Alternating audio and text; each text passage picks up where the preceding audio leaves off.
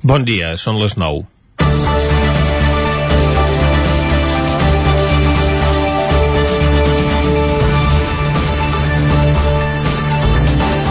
En una compareixença a l'estil Rajoy, és a dir, telemàtica perquè ara ho obliguen les circumstàncies, però sense preguntes, Pedro Sánchez va presentar ahir el Pla de Recuperació, Transformació i Resiliència de l'economia espanyola que transmetrà a Europa per fer front a la crisi provocada pel coronavirus. El president del govern espanyol planifica com gastar de forma productiva els 140.000 milions que rebrà dels 750.000 milions que la Unió Europea destinarà contra la Covid-19. D'aquests eh, diners, 72.000 milions arribaran en transferències i els 66.300 restants en forma de préstecs. Però Sánchez ja dona per fet que es podrà gastar més de la meitat de la xifra assignada fins al 2023 i que aquesta enorme inversió pública servirà de locomotora per la iniciativa privada.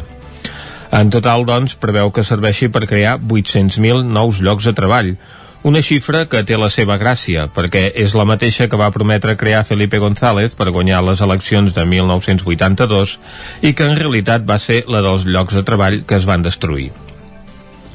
Sánchez va parlar de la voluntat de modernitzar l'economia espanyola i de reduir la seva desigualtat amb altres països europeus. Però del que no va parlar és de la petició del Cercle d'Economia de crear una agència específica per gestionar aquests fons, que els experts consideren que no serà gens fàcil. La mesura ajudaria a guanyar-se la confiança de la Unió Europea i garantir l'arribada d'aquests diners, atès el recel que Espanya genera en els diferents socis comunitaris després d'haver malversat molts dels fons europeus que li han arribat o haver-los destinat a causes diferents a les que es concedien. En qualsevol cas, Sánchez ja preveu avançar 27.000 d'aquests milions en els pressupostos de l'any que ve. El pla presentat per Sánchez ja veieu que és a tres anys vista, és a dir, que el planteja fins a finals de la legislatura, malgrat que ara mateix l'estabilitat del govern espanyol trontolla. El magistrat de l'Audiència Nacional, Manuel García Castellón, ha demanat al Tribunal Suprem que obri una causa penal contra Pablo Iglesias pels delictes de descobriment i revelació de secrets amb agreujant de gènere, danys informàtics i acusació o denúncia falsa o simulació de delicte. El cas fa referència al robatori de la targeta del telèfon d'una exassessora de Podemos que Iglesias presumptament s'hauria quedat i després hauria denunciat per treure'n rèdit electoral. La denúncia s'estén a altres membres del partit que nega els fets i es considera víctima de les clavegueres de l'Estat. El president del partit amb més imputats d'Europa, Pablo Casado, ja ha corregut a demanar a Sánchez que apliqui la vara de mesurar que ell no té i destitueixi el seu vicepresident. Sánchez, però, confia en Iglesias i li concedeix el dret a la presumpció d'innocència, que per alguna cosa no és independentista. Comencem Territori 17, a la sintonia del 9 FM, la veu de Sant Joan, Ona Codinenca, Ràdio Cardedeu i el 9 TV. Territori 17, amb Vicenç Vigues i Jordi Sunyer.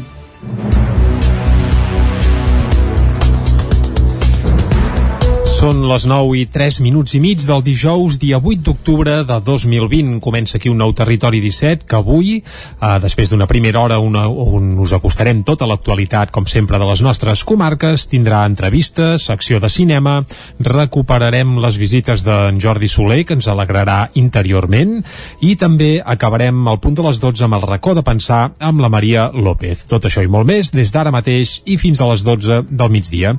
I com sempre, el que fem és arrencar fent un repàs a l'actualitat de les nostres comarques, les comarques del Ripollès, Osona, el Moianès i el Vallès Oriental.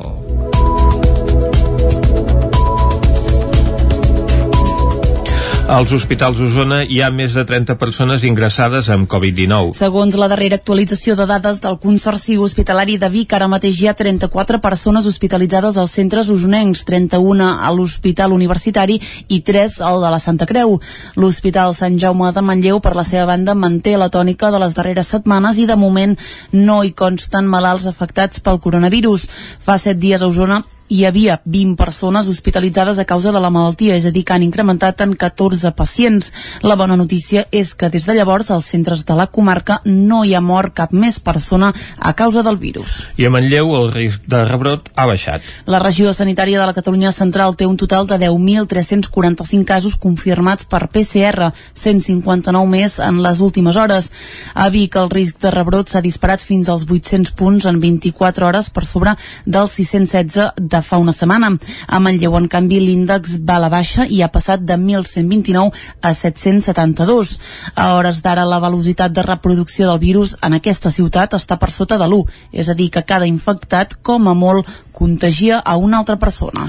L'Hospital de Sant Celoni reprèn les visites de familiars als ingressats després de la prohibició per prevenció. David Auladell, de Ràdio Televisió, Cardedeu. La Fundació Hospital de Sant Celoni, centre hospitalari de referència al Baix Montseny, va emetre un comunicat ahir al migdia informant que fins ahir hi havia 12 persones ingressades per Covid-19, una menys que no pas fa justament 8 dies. Des de l'inici de la pandèmia s'han acumulat 116 altes en aquest hospital i en aquesta darrera setmana se n'han sumat dues més. Aquesta setmana no hi ha hagut cap defunció i la xifra es manté en 33 des del començament de la crisi sanitària. La novetat, però, és que des d'ara es reprenen les visites de familiars i acompanyants a les plantes d'hospitalització de l'hospital. El condicionant, però, és d'una única persona per pacient ingressat de 12 a 2 del migdia. Al centre sociosanitari Verge del Puig es continuen autoritzant les visites sota cita prèvia. L'Hospital Universitari de Vic disposa des d'aquest mes d'octubre d'unes instal·lacions de diagnòstic per la imatge totalment renovades i equipades amb la tecnologia més actual. Fins ara el centre disposava d'un sol aparell d'atac, però des de fa unes setmanes compta també amb un altre equip que incorpora noves prestacions i que permetrà incrementar la quantitat d'estudis diagnòstics que realitzen al centre hospitalari.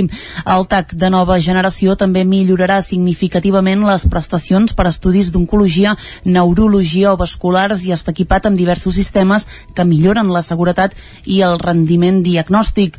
La incorporació del nou aparell ha tingut un cost de 570.000 euros i ha estat finançat pel Servei Català de la Salut. En paral·lel paral·lel, l'Hospital Universitari de Vic ha renovat i ampliat durant els últims mesos la resta d'instal·lacions de diagnòstic per la imatge.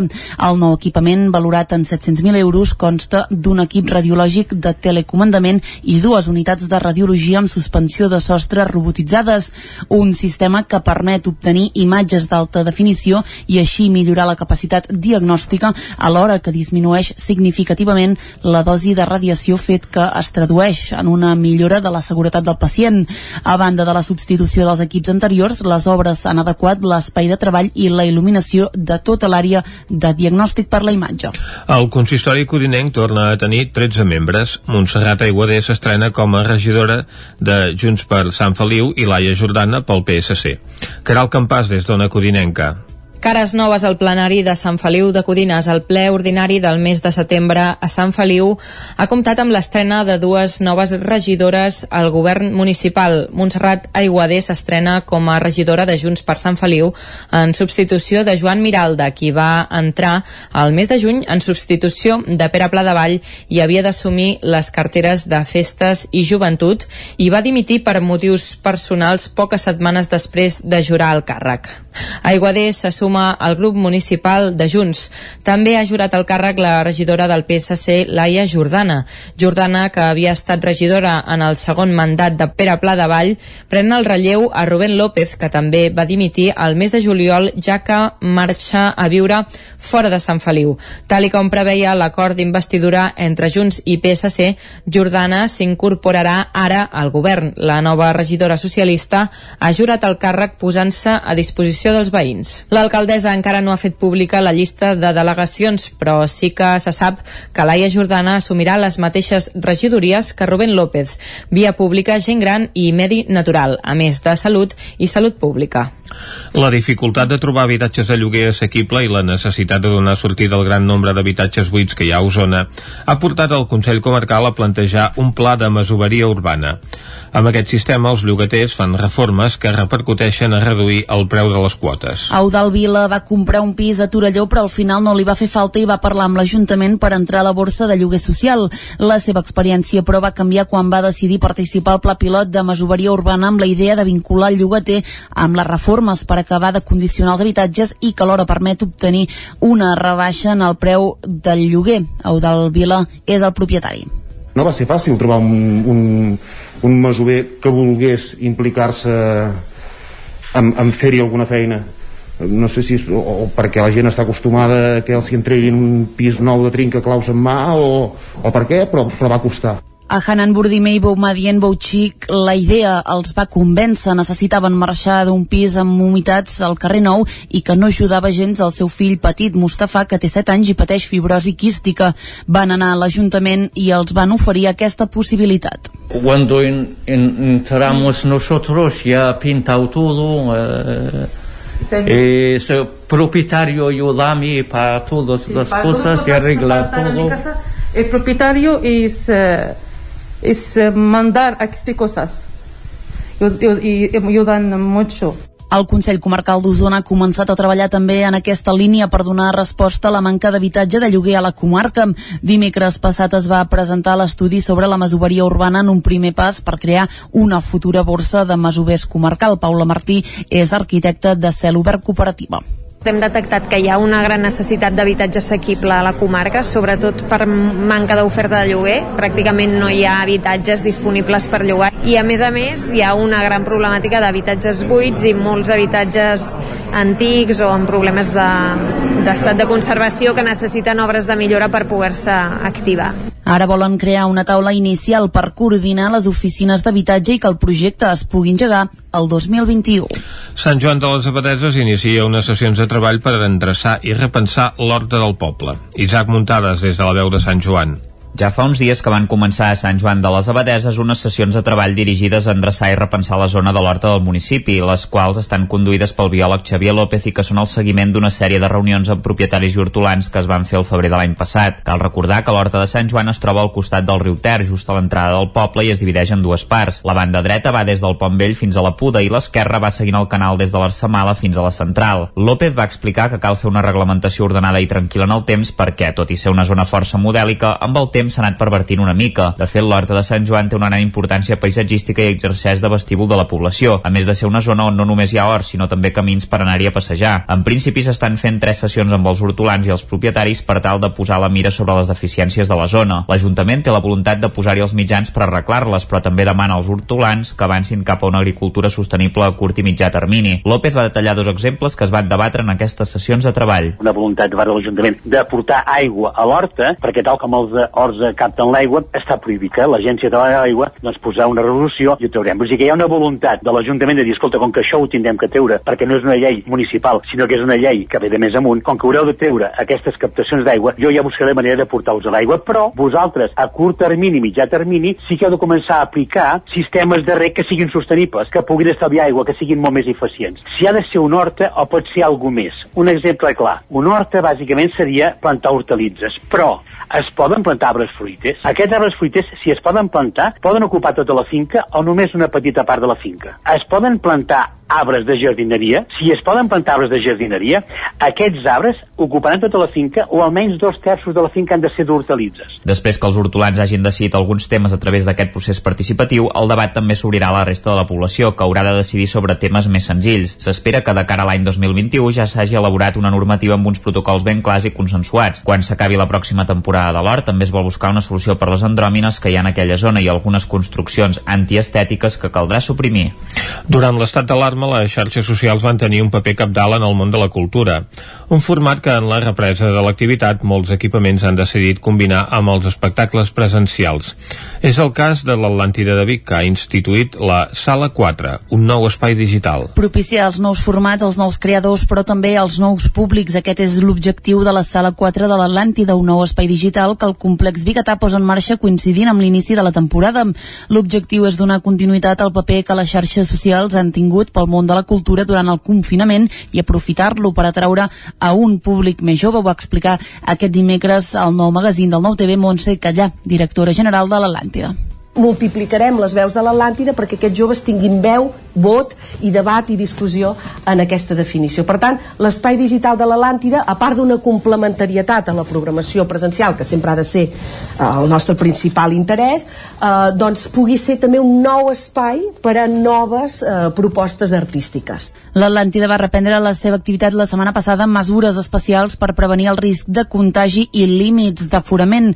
Una de les mesures per les quals aposta el complex és en la venda d'entrades per internet, Montse Catllà promocionem que es compri a través, o que s'adquireixi aquesta invitació, a través del web més que venir a Finestreta. Per què? Per evitar desplaçaments, per evitar concentracions i per afavorir aquesta digitalització del procés de, de compra. Eh? El programa inclou clàssics del programa d'hivern com són els Pastorets, una representació que d'acord amb el Procicat s'haurà de fer amb un límit d'actors i actrius a dalt de l'escenari.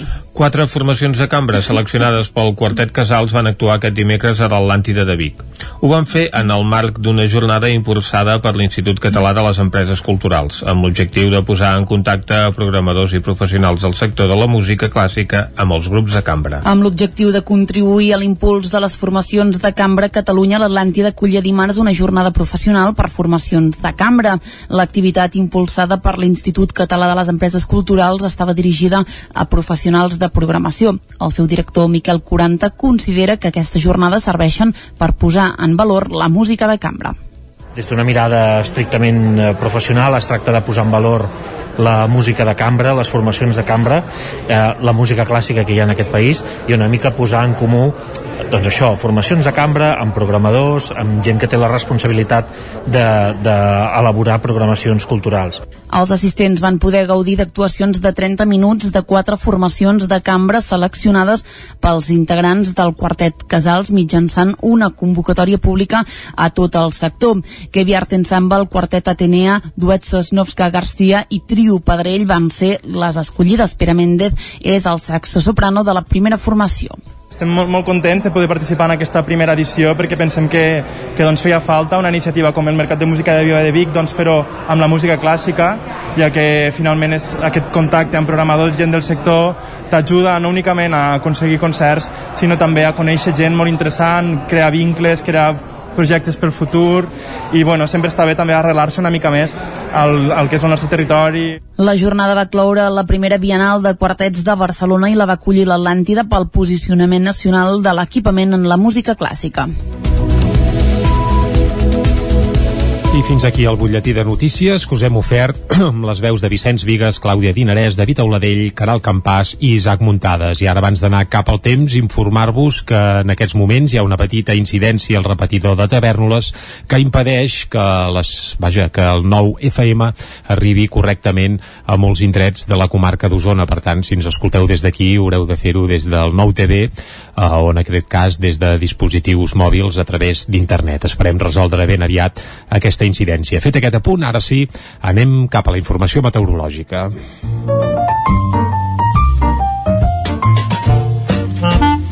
Casa Terradellos us ofereix el temps. I per parlar del temps, Pep Acosta. Pep, bon dia. Hola, molt bon dia. I bona hora. Benvinguts a l'Espai del Temps. Gràcies. D'aquest dijous 8 d'octubre. Mm -hmm. Ja veieu com avança la setmana, sí. i ja veieu també com va avançant el mes. I Això no para, eh?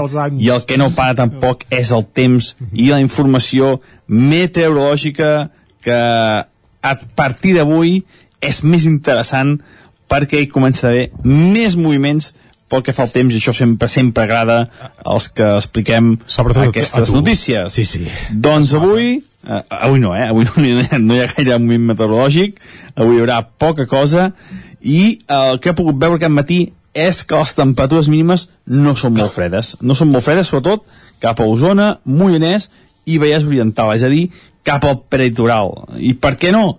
Doncs perquè hem tingut bastants núvols, i la tarda es va tapar bastant, jo em pensava que es taparia però no tant eh, per tant em vaig encertar que es taparia però alhora no vaig encertar eh, que es taparia tant vull dir, és, e, és difícil el que he dit ara eh? perquè he dit no, ja, ja, que ja sí que vaig encertar ja. i que no, però bueno uh, ja, ja, ja m'enteneu vull dir que, sí, sí. que vaig dir que es taparia però no tant, no tant fins i tot va ploure una mica al meu poble aquelles quatre gotes que un dia en boira polanera i uns quants jocs més va ploure, va ploure això, la boira aquesta Aquí pixanera, boira, pixanera, boira sí, sí, aquí n'hi diem pixanera. molt poca cosa, i, però aquest matalàs de núvols ha fet que la temperatura no baixés gaire. En general, les mínimes d'aquestes zones 15, 16, 17 graus, ja veieu que són bastant elevades. On no hi ha hagut tants núvols, sí que la temperatura ha baixat més i sobretot ha baixat més a alta muntanya. Què vol dir això? Vol dir que aquest flux de vents de oest es va acabant i va girant cap a nord i es va configurant una nova situació meteorològica eh, eh, provocat sobretot per l'afabliment de l'anticicló que ens dominava aquests dies i uh, un front nord es va aproximant i serà encarregat de fer canviar el temps. Avui no, eh? Repeteixo, avui no. Uh, a les pròximes hores, aquests núvols del prelitoral, més o menys de Vic cap al sud, encara continuaran. Uh, són força espessos i encara poden provocar alguna petita precipitació. Uh, molt poca cosa, eh? si li va caure precipitació serà molt poca cosa. Uh -huh. De cara a la tarda, migdia, tarda, vespre, aquests núvols que en el preditoral, mica en mica, es aniran desfent, seran menys importants i de cara a migdia tarda dominarà el sol a totes les comarques, sol i núvols. No serà un sol-sol molt, molt, molt important, però sí que hi haurà sol i núvols. I les temperatures molt semblants a les d'ahir. Poder 1 o 2 graus més baixes. És a dir, migdies força suaus, potser no de màniga curta, però sí que de màniga camisa, perfectament es pot estar cap al migdia, primeres hores de la tarda. Les màximes entre els 21, 24, 25 graus, ja veieu, eh? Molt, molt suaus, que no tenen res a veure amb els que tindrem el cap de setmana. Mm, tercer cap de setmana de canvi meteorològic i gairebé calcat. Eh, els últims tres, caps de setmana seran Ja, iguals, que ja iguals, sabem. però bueno, ja Sí, sí, sí. ho direm demà, demà direm tots els detalls del cap de setmana. I això és tot, amics oients. Eh, demà, com deia, eh, parlarem d'aquest canvi de temps que ja el tenim a les portes. Moltes gràcies. Adéu, bon dia. Doncs vinga, Pep, moltes gràcies a tu, salut, i ara anem cap al quiosc. Casa Tarradellas us ha ofert aquest espai. Territori 17. Doncs vinga, Vicenç.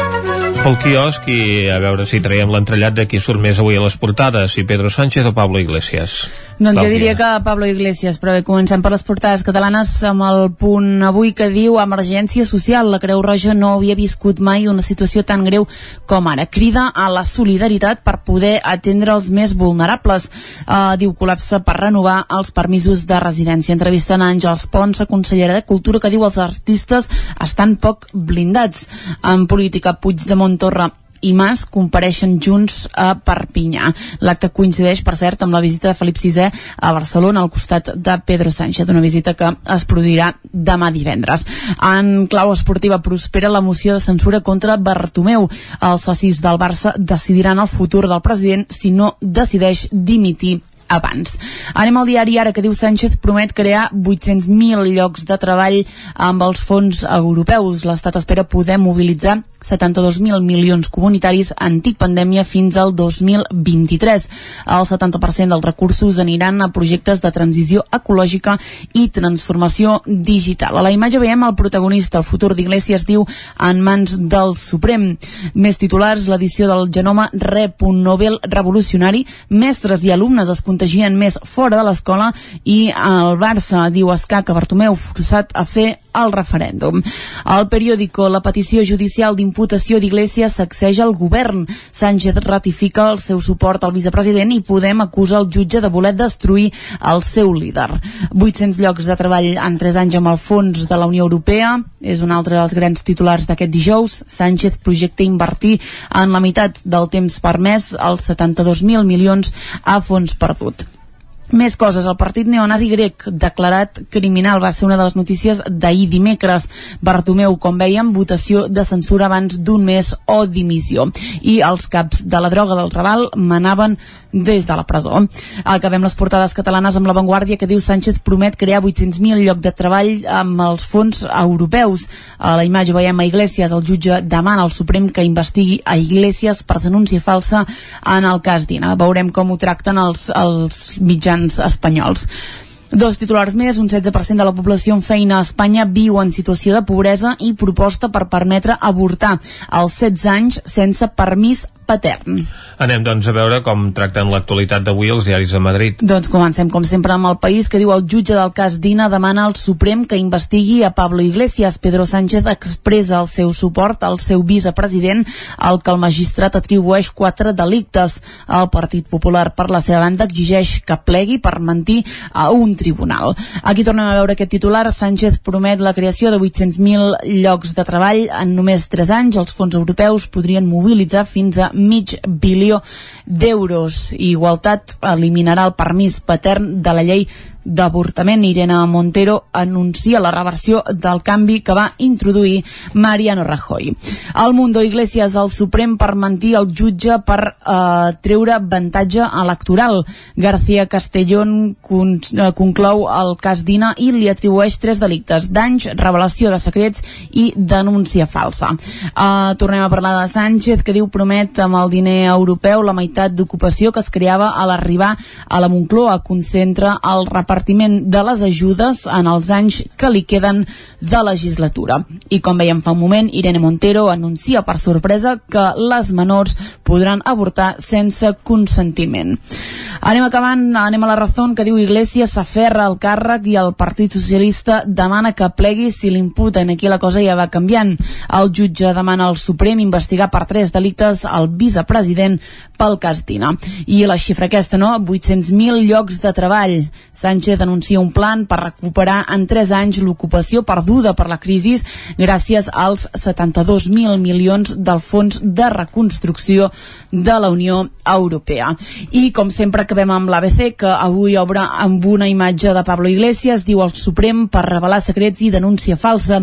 El jutge envia el vicepresident a l'alt tribunal pel seu ús torticero, tal qual, de la justícia i el seu intent de fer creure que era víctima de les cloaques de l'Estat. Concretament, avui a la portada hi veiem a Iglesias, ahir a la Moncloa, amb Carmen Calvo, hores després diu que el jutge García Castellón enviés al Suprem l'escrit demanant la seva imputació.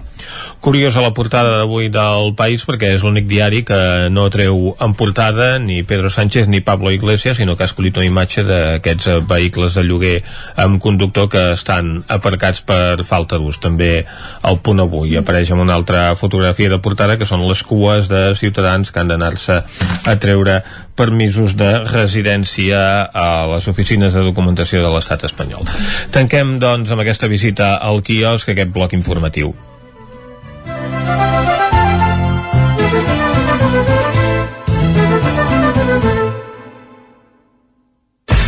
El nou FM, la ràdio de casa, al 92.8. Vols trencar amb l'oligopoli de l'IBEX 35? Apunta't al consum estratègic i comença a consumir serveis catalans. Per això et convidem a omplir el dipòsit a Petrolis Independents. A Osona ens trobaràs al polígon Mas Galí de Vic i a Centelles just després de la sortida sud. Si vols factura, entra a la nostra pàgina web petrolisindependents.cat i dona't d'alta. Comença a ser independent. Tenim la força de l'amor. Les bones decisions tenen premi. I és que si té una caldera Vaillant, està d'enhorabona. Vaillant li ofereix fins a 15 anys de cobertura total, amb la revisió obligatòria inclosa. Informis a Oficiat Nord trucant al 93 886 0040. Amb el servei tècnic oficial de Vaillant, la seva caldera estarà en les millors mans. Cocodril Club. Si t'agrada la bona música dels anys 60, 70 i 80, escolta el 9 FM als matins de dissabtes i diumenges d'11 a 1. És el temps del Cocodril Club, tot un clàssic de la ràdio, amb les bases del pop-rock, les llegendes, les cançons que s'han convertit en autèntics himnes. Recorda, dissabtes i diumenges al matí, d'11 a 1, al 9 FM 92.8. Cocodril Club, el programa revival de l'Albert Malla. Anuncia't al 9FM. La màquina de casa. 9 3 8 8 9 4 9 4 9. Publicitat arroba al 9FM.cat. Anuncia't al 9FM. La publicitat més eficaç. Rètols 2 Art. Experts en comunicació visual. Rètols, vinils, impressió, plaques gravades, senyalització, displays electrònics, tall làser... Rètols 2 Art. Ens trobareu a la carretera de Vic a Olot número 7, al polígon Malloles de Vic. dosartvic.com Telèfon 93 889 2588. Breda, mil anys als peus del Montseny. Vine a Breda i trobaràs botigues de ceràmica i terrissa, el monestir benedictí de Sant Salvador de Breda, el Museu Aragai sobre l'obra de l'artista noucentista Josep Aragai i el Centre Cultural Els Forns, un centre d'interpretació de la tradició terrissaire del poble. Passeja pel castell de Montsoriu, la fortalesa gòtica més important de Catalunya. Més informació a turismebreda.cat. El nou FM. Territori 17, amb Vicenç Vigues i Jordi Sunyer.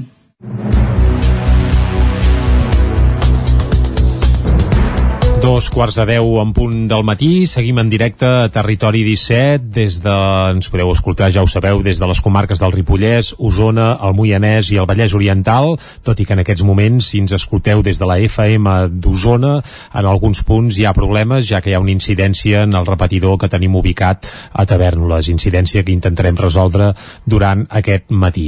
Uh, fet aquest apunt, el que farem ara és acostar-vos de nou l'actualitat de les nostres comarques. Ja ho sabeu, les comarques del Ripollès, Osona, el Moianès i el Vallès Oriental.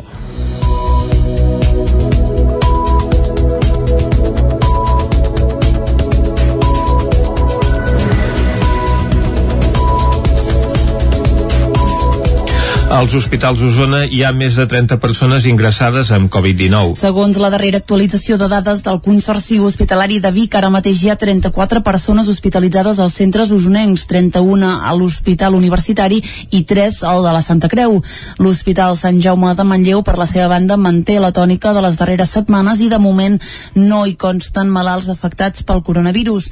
Fa set dies a Osona hi havia 20 persones hospitalitzades a causa de la malaltia, és a dir, que han incrementat en 14 pacients.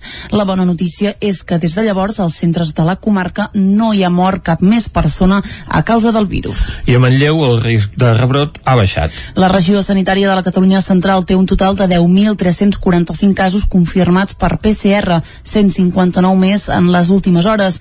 A Vic el risc de rebrot s'ha disparat fins als 800 punts en 24 hores per sobre dels 616 de de fa una setmana. A Manlleu, en canvi, l'índex va a la baixa i ha passat de 1.129 a 772.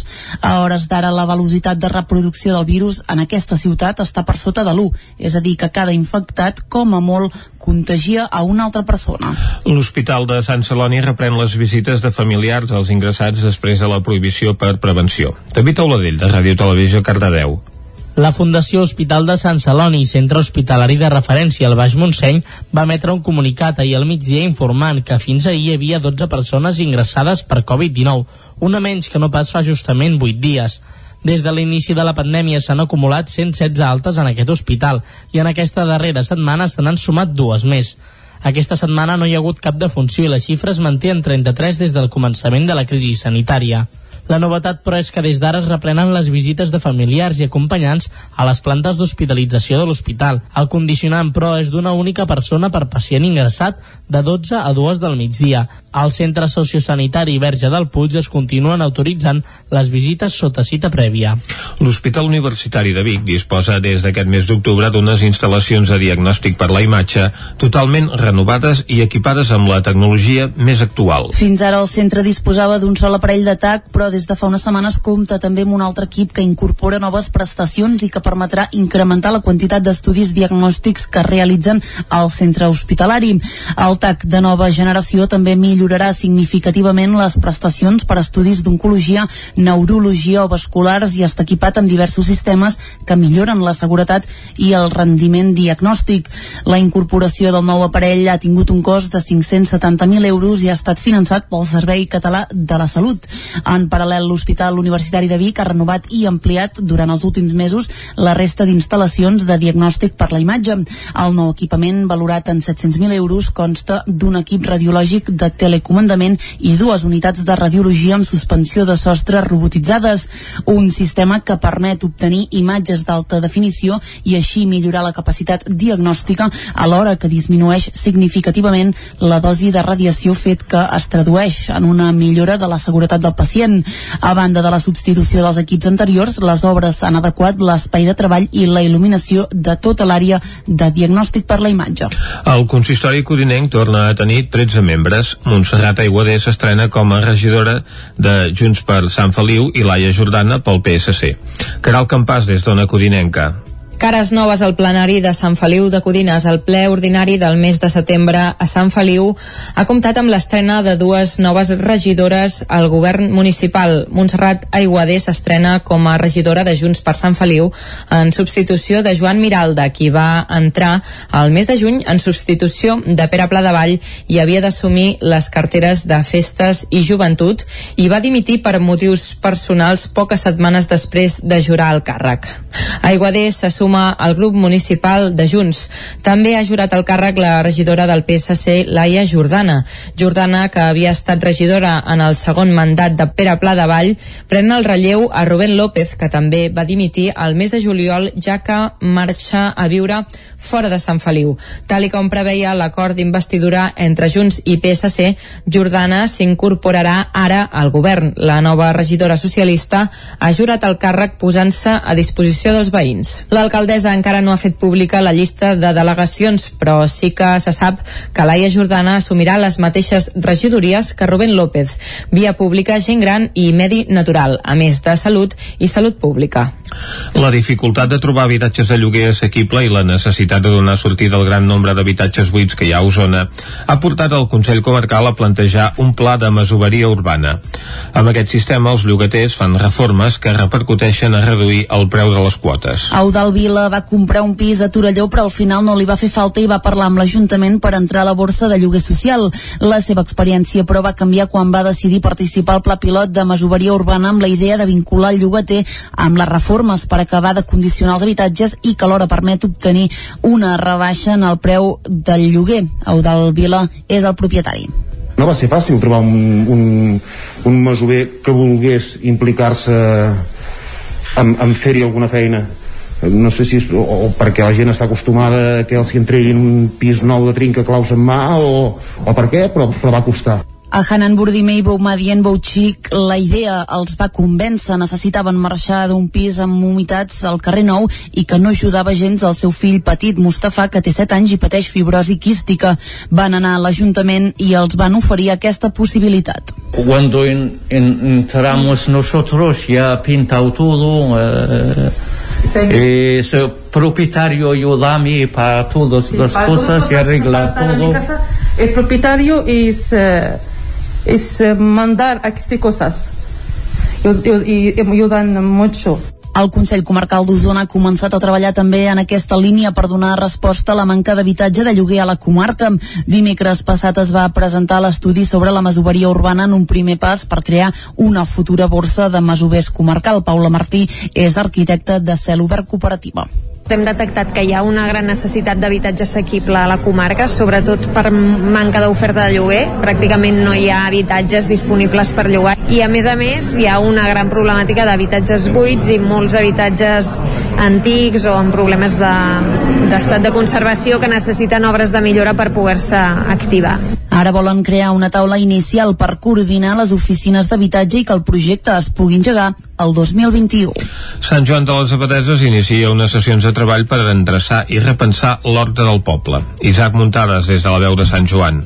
Ja fa uns dies que van començar a Sant Joan de les Abadeses unes sessions de treball dirigides a endreçar i repensar la zona de l'horta del municipi, les quals estan conduïdes pel biòleg Xavier López i que són el seguiment d'una sèrie de reunions amb propietaris i hortolans que es van fer el febrer de l'any passat. Cal recordar que l'horta de Sant Joan es troba al costat del riu Ter, just a l'entrada del poble i es divideix en dues parts. La banda dreta va des del Pont Vell fins a la Puda i l'esquerra va seguint el canal des de l'Arsamala fins a la central. López va explicar que cal fer una reglamentació ordenada i tranquil·la en el temps perquè, tot i ser una zona força modèlica, amb el temps s'ha anat pervertint una mica. De fet, l'Horta de Sant Joan té una gran importància paisatgística i exerceix de vestíbul de la població, a més de ser una zona on no només hi ha horts, sinó també camins per anar-hi a passejar. En principi s'estan fent tres sessions amb els hortolans i els propietaris per tal de posar la mira sobre les deficiències de la zona. L'Ajuntament té la voluntat de posar-hi els mitjans per arreglar-les, però també demana als hortolans que avancin cap a una agricultura sostenible a curt i mitjà termini. López va detallar dos exemples que es van debatre en aquestes sessions de treball. una voluntat de l'Ajuntament de portar aigua a l'horta, perquè tal com els eh, horts quals eh, capten l'aigua està prohibit que l'Agència de l'Aigua doncs, posar una resolució i ho traurem. Vull dir que hi ha una voluntat de l'Ajuntament de dir, escolta, com que això ho tindrem que treure, perquè no és una llei municipal, sinó que és una llei que ve de més amunt, com que haureu de treure aquestes captacions d'aigua, jo ja buscaré manera de portar-vos a l'aigua, però vosaltres, a curt termini, mitjà termini, sí que heu de començar a aplicar sistemes de rec que siguin sostenibles, que puguin estalviar aigua, que siguin molt més eficients. Si ha de ser un horta o pot ser alguna més. Un exemple clar. Un horta, bàsicament, seria plantar hortalitzes, però es poden plantar arbres fruiters. Aquests arbres fruiters, si es poden plantar, poden ocupar tota la finca o només una petita part de la finca. Es poden plantar arbres de jardineria. Si es poden plantar arbres de jardineria, aquests arbres ocuparan tota la finca o almenys dos terços de la finca han de ser d'hortalitzes. Després que els hortolans hagin decidit alguns temes a través d'aquest procés participatiu, el debat també s'obrirà a la resta de la població, que haurà de decidir sobre temes més senzills. S'espera que de cara a l'any 2021 ja s'hagi elaborat una normativa amb uns protocols ben clars i consensuats. Quan s'acabi la pròxima temporada de l'hort, també es vol buscar una solució per les andròmines que hi ha en aquella zona i algunes construccions antiestètiques que caldrà suprimir. Durant l'estat d'alarma, les xarxes socials van tenir un paper capdalt en el món de la cultura. Un format que en la represa de l'activitat molts equipaments han decidit combinar amb els espectacles presencials. És el cas de l'Atlàntida de Vic, que ha instituït la Sala 4, un nou espai digital. Propiciar els nous formats, els nous creadors, però també els nous públics. Aquest és l'objectiu de la Sala 4 de l'Atlàntida, un nou espai digital que el complex Bigatà posa en marxa coincidint amb l'inici de la temporada. L'objectiu és donar continuïtat al paper que les xarxes socials han tingut pel món de la cultura durant el confinament i aprofitar-lo per atraure a un públic més jove. Ho va explicar aquest dimecres al nou magazín del Nou TV Montse Callà, directora general de l'Atlàntida multiplicarem les veus de l'Atlàntida perquè aquests joves tinguin veu, vot i debat i discussió en aquesta definició. Per tant, l'espai digital de l'Atlàntida, a part d'una complementarietat a la programació presencial, que sempre ha de ser eh, el nostre principal interès, eh, doncs pugui ser també un nou espai per a noves eh, propostes artístiques. L'Atlàntida va reprendre la seva activitat la setmana passada amb mesures especials per prevenir el risc de contagi i límits d'aforament. Una de les mesures per les quals aposta el complex és en la venda d'entrades per internet, Montse Catllà promocionem que es compri a través, o que s'adquireixi aquesta imitació, a través del web més que venir a finestreta. Per què? Per evitar desplaçaments, per evitar concentracions i per afavorir aquesta digitalització del procés de, de compra. Eh? El programa inclou clàssics del programa d'hivern com són els Pastorets, una representació que d'acord amb el Procicat s'haurà de fer amb un límit d'actors i actrius a dalt de l'escenari. Quatre formacions de cambra seleccionades pel Quartet Casals van actuar aquest dimecres a l'Atlàntida de Vic. Ho van fer en el marc d'una jornada impulsada per l'Institut Català de les Empreses Culturals, amb l'objectiu de posar en contacte a programadors i professionals del sector de la música clàssica amb els grups de cambra. Amb l'objectiu de contribuir a l'impuls de les formacions de cambra Catalunya Catalunya, l'Atlàntida acollia dimarts una jornada professional per formacions de cambra. L'activitat impulsada per l'Institut Català de les Empreses Culturals estava dirigida a professionals de programació. El seu director, Miquel Quaranta, considera que aquestes jornades serveixen per posar en valor la música de cambra des d'una mirada estrictament eh, professional es tracta de posar en valor la música de cambra, les formacions de cambra, eh, la música clàssica que hi ha en aquest país i una mica posar en comú doncs això, formacions de cambra amb programadors, amb gent que té la responsabilitat d'elaborar de, de programacions culturals. Els assistents van poder gaudir d'actuacions de 30 minuts de quatre formacions de cambra seleccionades pels integrants del quartet Casals mitjançant una convocatòria pública a tot el sector. Kevi Ensemble, Quartet Atenea, Duet Sosnovska Garcia i Trio Pedrell van ser les escollides. Pere Méndez és el saxo soprano de la primera formació. Estem molt, molt contents de poder participar en aquesta primera edició perquè pensem que, que doncs, feia falta una iniciativa com el Mercat de Música de Viva de Vic, doncs, però amb la música clàssica, ja que finalment és aquest contacte amb programadors, gent del sector, t'ajuda no únicament a aconseguir concerts, sinó també a conèixer gent molt interessant, crear vincles, crear projectes pel futur i bueno, sempre està bé també arrelar-se una mica més al, al que és el nostre territori. La jornada va cloure la primera Bienal de Quartets de Barcelona i la va acollir l'Atlàntida pel posicionament nacional de l'equipament en la música clàssica. I fins aquí el butlletí de notícies que us hem ofert amb les veus de Vicenç Vigues, Clàudia Dinarès, David Auladell, Caral Campàs i Isaac Muntades. I ara abans d'anar cap al temps, informar-vos que en aquests moments hi ha una petita incidència al repetidor de Tavernoles que impedeix que, les, vaja, que el nou FM arribi correctament a molts indrets de la comarca d'Osona. Per tant, si ens escolteu des d'aquí, haureu de fer-ho des del nou TV eh, o en aquest cas des de dispositius mòbils a través d'internet. Esperem resoldre ben aviat aquesta incidència. Fet aquest apunt, ara sí, anem cap a la informació meteorològica.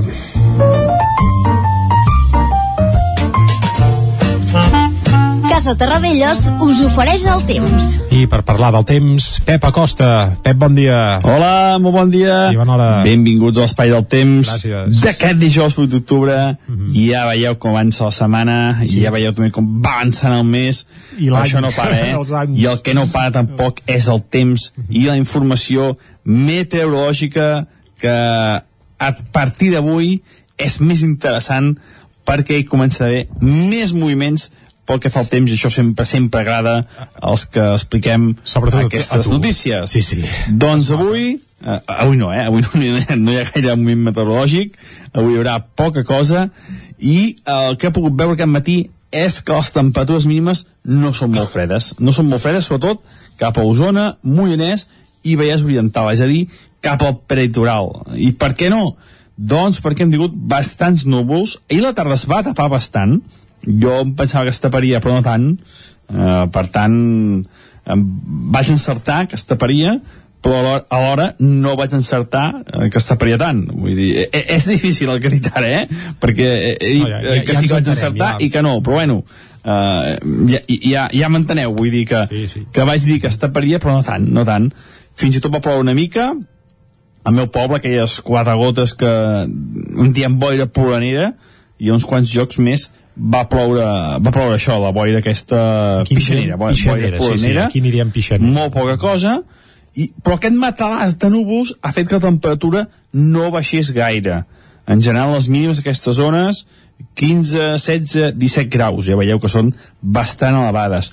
On no hi ha hagut tants núvols, sí que la temperatura ha baixat més i sobretot ha baixat més a alta muntanya. Què vol dir això? Vol dir que aquest flux de vents de oest es va acabant i va girant cap a nord i es va configurant una nova situació meteorològica a, a, provocat sobretot per l'afabliment de l'anticicló que ens dominava aquests dies i uh, un front nord es va aproximant i serà encarregat de fer canviar el temps avui no, eh? repeteixo, avui no Uh, a les pròximes hores, aquests núvols del prelitoral, més o menys de Vic cap al sud, encara continuaran. Uh, són força espessos i encara poden provocar alguna petita precipitació. Uh, molt poca cosa, eh? Si arriba a caure precipitació serà molt poca cosa. De cara a la tarda, migdia, tarda, vespre, aquests núvols que en el prelitoral, mica en mica, es aniran desfent, seran menys importants i de cara a migdia tarda dominarà el sol a totes les comarques, sol i núvols. No serà un sol sol molt, molt, molt important, però sí que hi haurà sol i núvols. I les temperatures molt semblants als d'ahir. Poder 1 o 2 graus més baixes, és a dir, migdies força suaus, potser no de màniga curta, però sí que de màniga camisa, perfectament es pot estar cap al migdia, primeres hores de la tarda. Les màximes entre els 21, 24, 25 graus, ja veieu, eh? Molt, molt suaus, que no tenen res a veure amb els que tindrem el cap de setmana. Mm, tercer cap de setmana de canvi meteorològic i gairebé calcat. Eh, els últims tres, tres caps de setmana seran Ja, iguals, que ja ho iguals, però bueno, ja Sí, ho sí. direm demà, demà direm tots els detalls del cap de setmana. I això és tot, amics oients. Eh, demà, com deia, eh, parlarem d'aquest canvi de temps que ja el tenim a les portes. Moltes gràcies. Adéu, bon dia. Doncs vinga, Pep, moltes gràcies a tu, salut, i ara anem cap al quiosc. Casa Tarradellas us ha ofert aquest espai. Territori 17. Doncs vinga, Vicenç, pel quiosc i a veure si traiem l'entrellat de qui surt més avui a les portades, si Pedro Sánchez o Pablo Iglesias. Doncs Clàudia. jo diria que Pablo Iglesias, però bé, comencem per les portades catalanes amb el punt avui que diu emergència social. La Creu Roja no havia viscut mai una situació tan greu com ara. Crida a la solidaritat per poder atendre els més vulnerables. Uh, diu col·lapse per renovar els permisos de residència. Entrevisten a Àngels Pons, la consellera de Cultura, que diu els artistes estan poc blindats. En política, Puigdemont Torra i Mas compareixen junts a Perpinyà. L'acte coincideix, per cert, amb la visita de Felip VI a Barcelona al costat de Pedro Sánchez, una visita que es produirà demà divendres. En clau esportiva prospera la moció de censura contra Bartomeu. Els socis del Barça decidiran el futur del president si no decideix dimitir abans. Anem al diari ara que diu Sánchez promet crear 800.000 llocs de treball amb els fons europeus. L'Estat espera poder mobilitzar 72.000 milions comunitaris antipandèmia fins al 2023. El 70% dels recursos aniran a projectes de transició ecològica i transformació digital. A la imatge veiem el protagonista, el futur d'Iglesias diu en mans del Suprem. Més titulars, l'edició del genoma rep un Nobel revolucionari, mestres i alumnes es contagien més fora de l'escola i el Barça diu Escà que Bartomeu forçat a fer el referèndum. Al periòdico, la petició judicial d'imputació d'Iglesias sacseja el govern. Sánchez ratifica el seu suport al vicepresident i Podem acusa el jutge de voler destruir el seu líder. 800 llocs de treball en 3 anys amb el fons de la Unió Europea és un altre dels grans titulars d'aquest dijous. Sánchez projecta invertir en la meitat del temps permès els 72.000 milions a fons perdut. Més coses, el partit neonazi grec declarat criminal va ser una de les notícies d'ahir dimecres. Bartomeu, com veiem, votació de censura abans d'un mes o dimissió. I els caps de la droga del Raval manaven des de la presó. Acabem les portades catalanes amb l'avantguàrdia que diu Sánchez promet crear 800.000 llocs de treball amb els fons europeus. A la imatge veiem a Iglesias, el jutge demana al Suprem que investigui a Iglesias per denúncia falsa en el cas Dina. Veurem com ho tracten els, els mitjans espanyols. Dos titulars més, un 16% de la població en feina a Espanya viu en situació de pobresa i proposta per permetre avortar als 16 anys sense permís patern. Anem doncs a veure com tracten l'actualitat d'avui els diaris de Madrid. Doncs comencem com sempre amb el país que diu el jutge del cas Dina demana al Suprem que investigui a Pablo Iglesias. Pedro Sánchez expressa el seu suport al seu vicepresident al que el magistrat atribueix quatre delictes. El Partit Popular per la seva banda exigeix que plegui per mentir a un tribunal.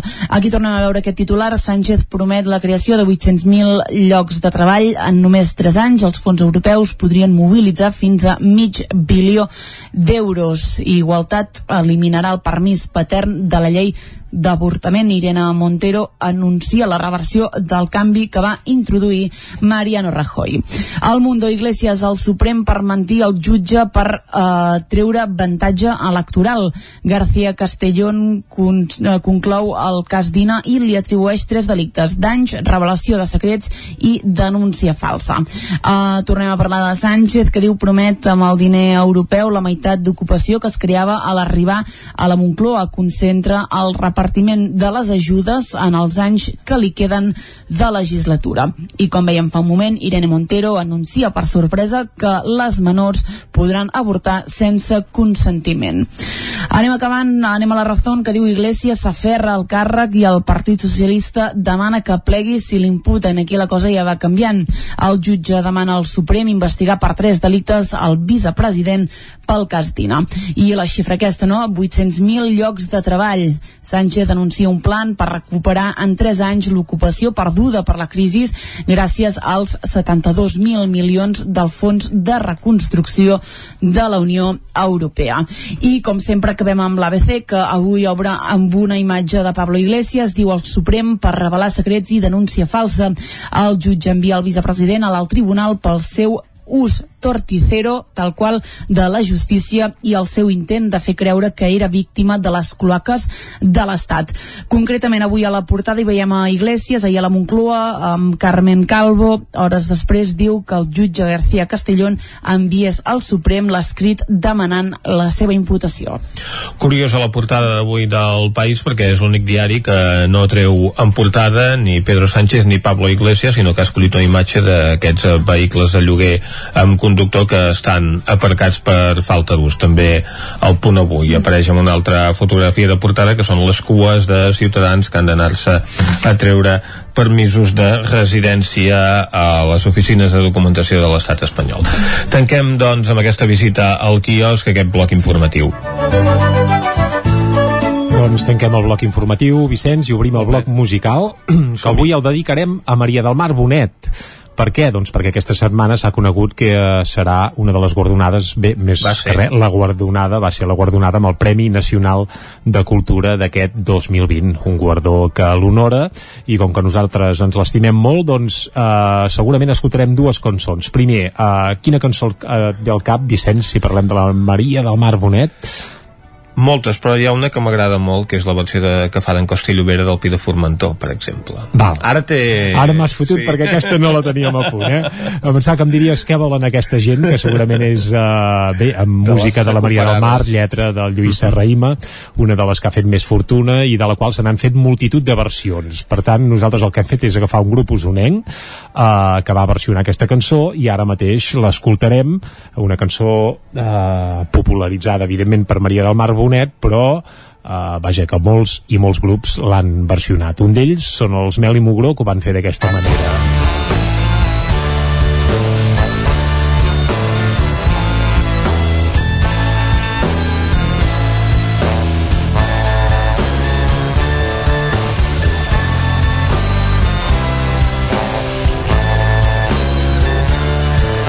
De matinada han trucat són el replà de l'escala. La mare quan surt a obrir porta la bata posada que volen aquesta gent que truquen de matinada. El seu fill que no és aquí més adormit a la cambra que li volen al meu fill el fill mig es desvetllava què volen aquesta gent. Que truquen de matinada la mare ben poc en sap de totes les esperances del seu fill estudiant. Que ben compromès estava què volen aquesta gent. Que truquen de matinada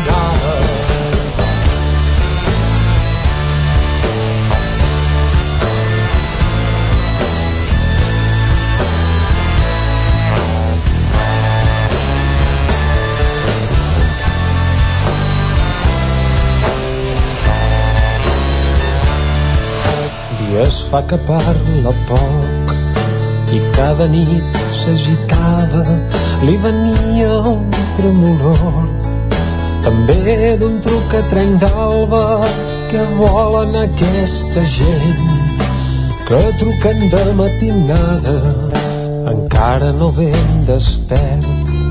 Ja sent viva la trucada i es llença pel finestral a l'asfalt d'una volada que volen aquesta gent que truquen de matinada els que truquen resten muts menys un d'ells potser el que mana que s'inclina al finestral. Darrere xiscla la mare que volen aquesta gent que truquen de matinada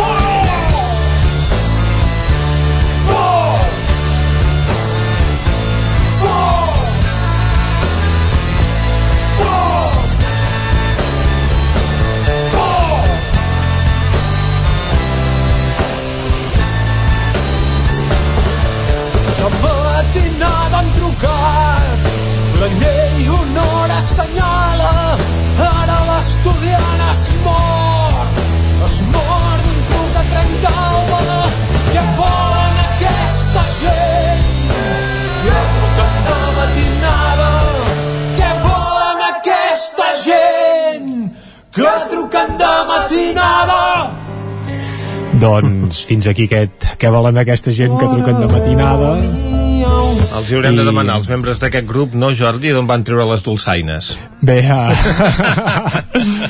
el que està clar és que em sembla que el grup està difunt, per tant serà complicat demanar gaires coses i a més amb la meitat de membres escampats per mig món, però bé, Uh, avui parlem de la Maria del Mar Bonet uh, ara l'hem escoltat primer amb una versió i ara l'escoltarem amb la seva veu la veu, recordem-ho, recordem premiada aquesta setmana amb el Premi Nacional de Cultura que otorga anualment la Generalitat de Catalunya i ara escoltarem una altra de les peces que segurament ha fet més fortuna de la Maria del Mar, que per cert no és seva, tot i que molta gent Exacte. pensa que sí, eh? Uh -huh. uh, però arribarem fins al punt de les 10 amb l'Àguila Negra, amb la versió, evidentment, de la Maria del Mar Bonet. Sí? Som-hi. Doncs vinga, amb la Maria del Mar Bonet arribem fins a les 10. Fins ara. les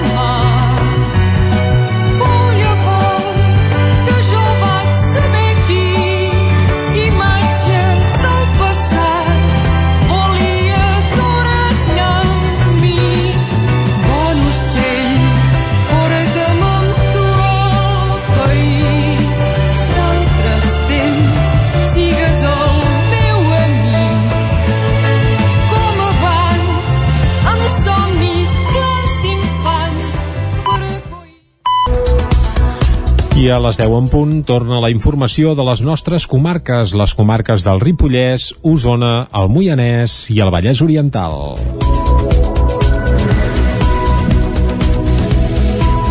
Les Masies de Roda implanta un sistema pioner de compostatge comunitari en el porta a porta.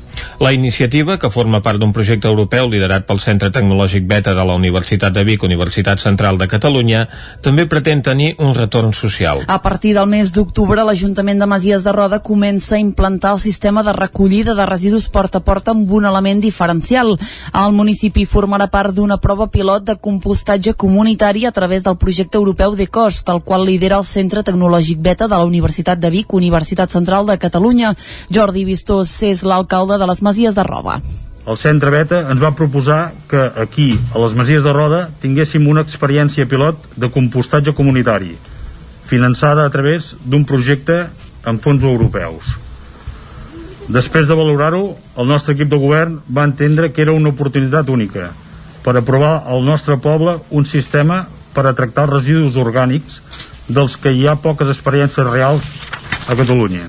Aquest sistema comportarà la recollida porta a porta tradicional però amb canvis mínims. On hi havia un contenidor d'orgànica hi haurà un compostador i els veïns hi aniran amb una bossa compostable a llançar la matèria. L'accés es destinarà a projectes d'agricultura urbana i de caràcter social. Joan Colón és investigador i coordinador del DECOST. Masies de Roda eh, té la gran avantatge o la, la particularitat de que hi ha moltíssimes cases amb el seu hort, amb el seu jardí, que podran fer un ús directe d'aquest compost en el cas que ho requereixin, però també el que estem plantejant és l'ús d'aquest compost en institucions de caire social que puguin tenir un retorn important bueno, a, a nivell de, de, de, la, de la societat. Des de la universitat i l'Ajuntament creuen que es podria arribar a un índex de recollida selectiva d'entre el 70 i el 80%, ja que es faria una fracció més neta i un compost de gran qualitat. L'Ajuntament de Cardedeu ha obert el procés d'adjudicació de les quatre parades disponibles i del bar del Mercat Municipal. David Auladell, de Ràdio i Televisió, Cardedeu. El Mercat Municipal de Cardedeu disposa de 14 parades interiors, 6 botigues exteriors, un autoservei i un bar. El reglament del mercat especifica que les parades han d'oferir principalment productes d'alimentació. També es poden oferir plantes i flors, així com d'altres productes no alimentaris compatibles amb els productes alimentaris del mercat. El reglament també determina que hi pot haver com a màxim dues parades del mateix producte. Per això, les denominacions de carnisseria, canceladeria i xarcuteria, aus, caça i ous no podran accedir a aquest concurs, ja que la disponibilitat de parades per a aquests articles ja està exaurida. En canvi, per poder assegurar la varietat de productes al mercat, cal ampliar el nombre de parades que venguin productes com el peix i la fruita i també de menjars preparats i altres productes que actualment no hi són. El bar del mercat serà modelat i té un accés directe des del carrer, opció de terrassa exterior i pot funcionar de manera independent de si el mercat està obert o tancat. D'aquesta manera pot ser un punt de trobada de la gent del poble i un nou referent en la restauració del municipi. S'instal·len nius d'aus a Gombreny perquè els pardals, les mallarengues i els ratpenats es mengin les papallones del boix. Isaac Muntades, des de la veu de Sant Joan. El mes de juny de l'any passat, un grup de veïns de Gombrèn va crear l'associació Salvem el Boix amb l'objectiu de crear una xarxa de vigilància a la part oest del Ripollès per pal·liar els efectes devastadors que tenia la plaga invasora de l'eruga del boix sobre aquests arbustos. Durant aquest temps van col·locar trampes amb feromones finançades amb una campanya de micromecenatge a Berkami per poder controlar petites zones i conservar alguns mosaics del boix al bosc. Més tard van fer una prova pilot amb vespes que va funcionar força bé, però que és massa costosa. L'enginyer agrícola i president de l'associació Salvem el Boix, Aleix Carretero, va detallar quina ha estat l'última acció per minimitzar l'efecte de la plaga i també quines noves espècies comencen a convertir-se en depredadores dels ous de la papallona. La nova que fem és mirem de posar caixes niu i aviam de pardal i mallarenga, que tenen el mateix forat, i de ratpenat, i aviam de quina manera no pot funciona, de quina manera es poden ajudar els boixos i, els, i aquests ocells. I sí que estem veient que hi ha, per exemple, hi ha moltes espècies ara que ronden al voltant dels nius. Quan hi ha postes sí que veiem, per exemple, tisoretes que remenen per allà, marietes que abans no hi eren que ja estan per allà rondant en el naixement dels ous, quan la larva és petita ja se la poden menjar. Sí que hem vist crisopes. En principi està previst posar-hi un centenar de caixes niu per fer-ne un monitoratge i seguiment. Des de Salvem el Boix volen que els ciutadans les puguin apadrinar i fins i tot muntar-les i col·locar-les per tal de conscienciar-se encara més del problema que comporta aquesta plaga. Carretero també va insistir que la plaga del boix també ha sorgit pel poc manteniment que es fa dels boscos i va assegurar que això no hagués passat als anys 30 i 40 del segle passat. Aquí aquesta plaga si hagués vingut ara fa 70 o 80 anys, doncs no ens haguessin enterat poder, els habitants de llavors. Que aquí miraves les fotos, miraves les fotos i el bosc no n'hi havia. Per anar a buscar bolets o comprens havies de caminar una hora. Uh, no hi havia pràcticament bosc perquè hi havia feixes, cultius i vivíem molt de la llenya. De cop i volta això va desaparèixer. Vam canviar les fonts d'energia, ara tenim gas natural, gasolina, ara tenim les fonts d'energia i el bosc l'hem abandonat totalment. Potser aquí el problema és aquest, el vam intensificar molt, el vam abandonar de cop. Tot i que la papallona del boix l'afecta l'altitud, cada cop se'n troben més amunt i després de devorar els boscos de Sant Joan, Ripoll, Camp de Bànol, Gobren i alguns punts de la vall de Ribes, no fa ni uns dies que els han alertat que ha arribat a Planoles. Durant l'estat d'alarma, les xarxes socials van tenir un paper capdalt en el món de la cultura. Un format que en la represa de l'activitat molts equipaments han decidit combinar amb els espectacles presencials. És el cas de l'Atlàntida de Vic, que ha instituït la Sala 4, un nou espai digital. Propiciar els nous formats, els nous creadors, però també els nous públics. Aquest és l'objectiu de la Sala 4 de l'Atlàntida, un nou espai digital que el complex Bigatà posa en marxa coincidint amb l'inici de la temporada. L'objectiu és donar continuïtat al paper que les xarxes socials han tingut pel món de la cultura durant el confinament i aprofitar-lo per atraure a un públic més jove.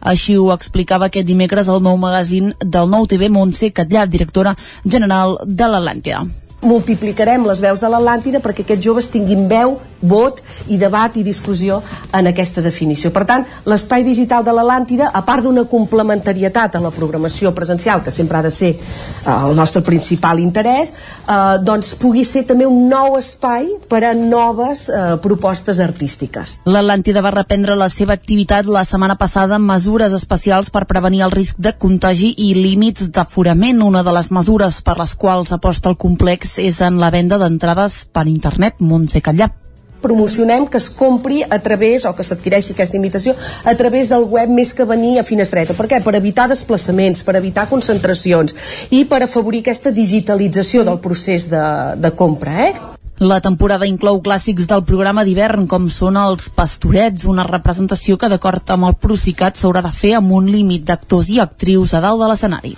Quatre formacions de cambra seleccionades pel quartet Casals van actuar aquest dimecres a l'Atlàntida de Vic.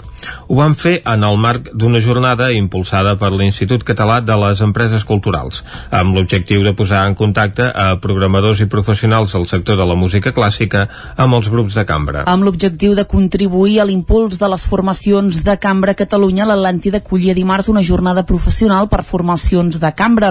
L'activitat impulsada per l'Institut Català de les Empreses Culturals estava dirigida a professionals de programació. El seu director, Miquel Curanta, considera que aquestes jornades serveixen per posar en valor la música de cambra.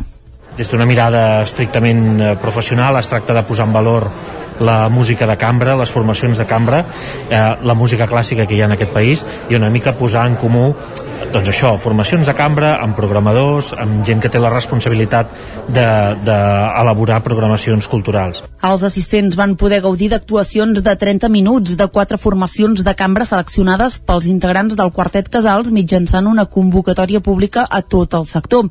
Kevi Art Ensemble, Quartet Atenea, Duet, Sobsnobra García i Trio Padrell van ser les escollides per a Mendes al saxo soprano de la primera formació. Estem molt, molt contents de poder participar en aquesta primera edició perquè pensem que, que doncs, feia falta una iniciativa com el Mercat de Música de Viva de Vic, doncs, però amb la música clàssica, ja que finalment és aquest contacte amb programadors, gent del sector, t'ajuda no únicament a aconseguir concerts, sinó també a conèixer gent molt interessant, crear vincles, crear projectes pel futur i bueno, sempre està bé també arrelar-se una mica més al, al que és el nostre territori. La jornada va cloure la primera Bienal de Quartets de Barcelona i la va acollir l'Atlàntida pel posicionament nacional de l'equipament en la música clàssica. La Casa Modernista Can Xifreda serà el centre de les Jornades Europees de Patrimoni que se celebraran aquest cap de setmana a Sant Feliu de Codines. Caral Campàs, des d'Ona Codinenca. Aquest diumenge a les 12 el Museu de Can Xifreda organitza una visita guiada al seu edifici modernista en motiu de les Jornades Europees de Patrimoni. A través d'un recorregut que serà exterior es podrà conèixer la història de l'edifici i el personatge d'Antoni Gifreda, industrial tèxtil fill de Manlleu. En parla en aquest sentit Francesc Garriga, president de l'Associació Amics del Museu. eh, es fa una visita a la, o sigui, pel tema del Covid i tota aquesta història es fa una visita exterior només per conèixer l'edifici de Can Xifreda, les transformacions que ha sofert al cap dels anys, que són bastantes, i es- s'explicarà la història del senyor Gifreda, que era un personatge certament interessant, i es Perfecte. farà a peu dret eh, pel voltant de l'edifici comparant fotografies antigues que tenim amb com és ara, no? Els organitzadors han avisat que en cas de pluja es cancel·laria la visita. És la quarta vegada que l'Associació Amics del Museu col·labora amb les Jornades Europees de Patrimoni. En altres ocasions han tocat temes com l'estàndard de l'Orfeó Feliuà, la Casa Modernista de Camp Pujol o les barraques de camp. I fins aquí el butlletí informatiu de les 11, de les 10, perdó, del matí, a les 11 encara no, encara falta una hora per les 11, doncs fins aquí el butlletí de les 10 que us hem ofert amb Vicenç Vigues, Clàudia Dinarès, David Auladell, Caral Campàs i Isaac Muntades. Ara el que toca, abans d'anar cap a l'entrevista, és parlar del temps. Casa Terradellos us ofereix el temps. I com sempre, qui ens acosta la informació meteorològica és el Pep Acosta. Pep, molt bon dia. Hola, molt bon dia. Bon dia. Benvinguts a l'Espai del Temps d'aquest dijous 8 d'octubre. Ja veieu com avança la setmana, i ja veieu també com va avançant el mes. Això no para, eh? I el que no para tampoc és el temps i la informació meteorològica que a partir d'avui és més interessant perquè hi comença a haver més moviments pel que fa al temps i això sempre sempre agrada als que expliquem aquestes notícies. A les pròximes hores, aquests núvols del prelitoral, més o menys de Vic cap al sud, encara continuaran. Eh, són força espessos i encara poden provocar alguna petita precipitació. Uh, molt poca cosa, eh? si arriba a caure precipitació serà molt poca cosa.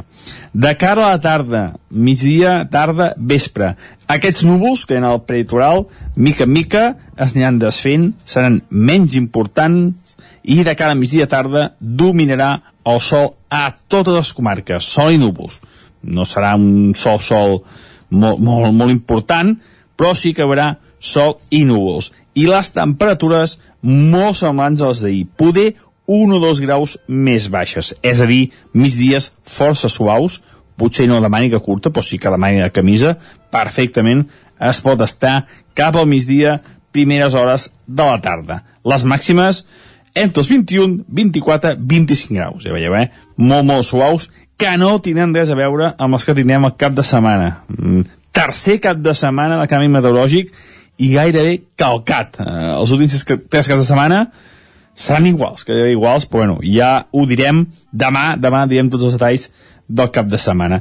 I això és tot, amics oients. Uh, demà, com deia, uh, parlarem d'aquest canvi de temps que ja el tenim a les portes. Moltes gràcies. Adéu, bon dia. Vinga, Pep, moltes gràcies. Vicenç, el cap de setmana canvi de temps, eh? Que estrany, no, no passa mai, no? No s'havia vist mai que arribi el cap de setmana i es compliqui el tema meteorològic. Però hauries d'estar content perquè ja t'han explicat que quan plou es veuen més els bolets. És veritat, això ho vam descobrir fa un parell de dies aquí a Territori 17. No hi ha mal que per bé no vingui. Bé, fet aquest apunt meteorològic, el que toca ara és fer una breu pausa i de seguida anem cap a l'entrevista. Fins ara. Casa Tarradellas us ha ofert aquest espai. Territori 17. Envia'ns les teves notes de veu per WhatsApp al 646 079 023. 646 079 023. WhatsApp Territori 17.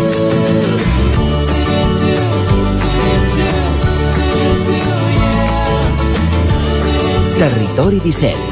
Som a Facebook, Twitter i Instagram amb l'usuari Territori 17.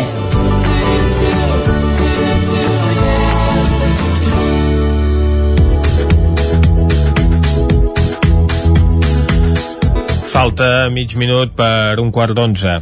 Com cada any, el proper 10 d'octubre se celebra el Dia Mundial de la Salut Mental, instituït per l'Organització Mundial de la Salut. Patologies que, tot i tenir una elevada prevalença, no estan encara exemptes de rebuig i de discriminació a la nostra societat. Aquest és el tema que ara volem abordar. Ho fem des de Ràdio Cardedeu. Allà ens acompanya l'Òscar Muñoz. Bon dia. Bon dia, Vicenç. Doncs sí, la Fundació LAR organitza aquest any un acte per sens- sensibilitzar a la població general i difondre la problemàtica que dia a dia es troben les persones afectades pel trastorn de salut mental i les seves famílies. I avui parlem amb la coordinadora del Centre de Llinars del Vallès, Mireia López. Bon dia, Mireia. Hola, bon dia. Com hem comentat al principi, aquest dissabte és el Dia Mundial de la Salut Mental i a Llinars sempre fèieu actes, bueno, sempre a la plaça sempre es feien coses. Aquest any què, què podrem veure? Bueno, com bé has dit, altres anys eh, hem celebrat el Dia Mundial de la Salut Mental a la plaça dels Països Catalans de Llinars, eh, on anava tot el poble, fèiem molts tallers, fèiem molts esports, ioga, zumba, danses del món, exhibicions, eh, bueno, eh, hi havia villes, hi havia també inflables, etc. Llavors, bueno, aquest any, amb la situació del Covid, com tothom sap, bueno, doncs, eh, hem decidit canviar una mica l'estil i fer-ho fer online. Llavors farem una classe online eh, esportiva a les 11 del matí, llavors eh, serà a través del nostre Instagram, del directe, des del nostre Instagram de, que és Fundació Club Socials Fundació LAR. I bueno, ens podeu seguir a les 11 del matí, us connecteu i ens podeu seguir en directe per fer aquesta classe esportiva. Sempre relacioneu aquest dia amb, amb l'esport, amb la amb l'esport? Sí, mira, feia, fa ja 9 anys que celebrem el Dia Mundial amb el lema Fet Salut per la Salut Mental.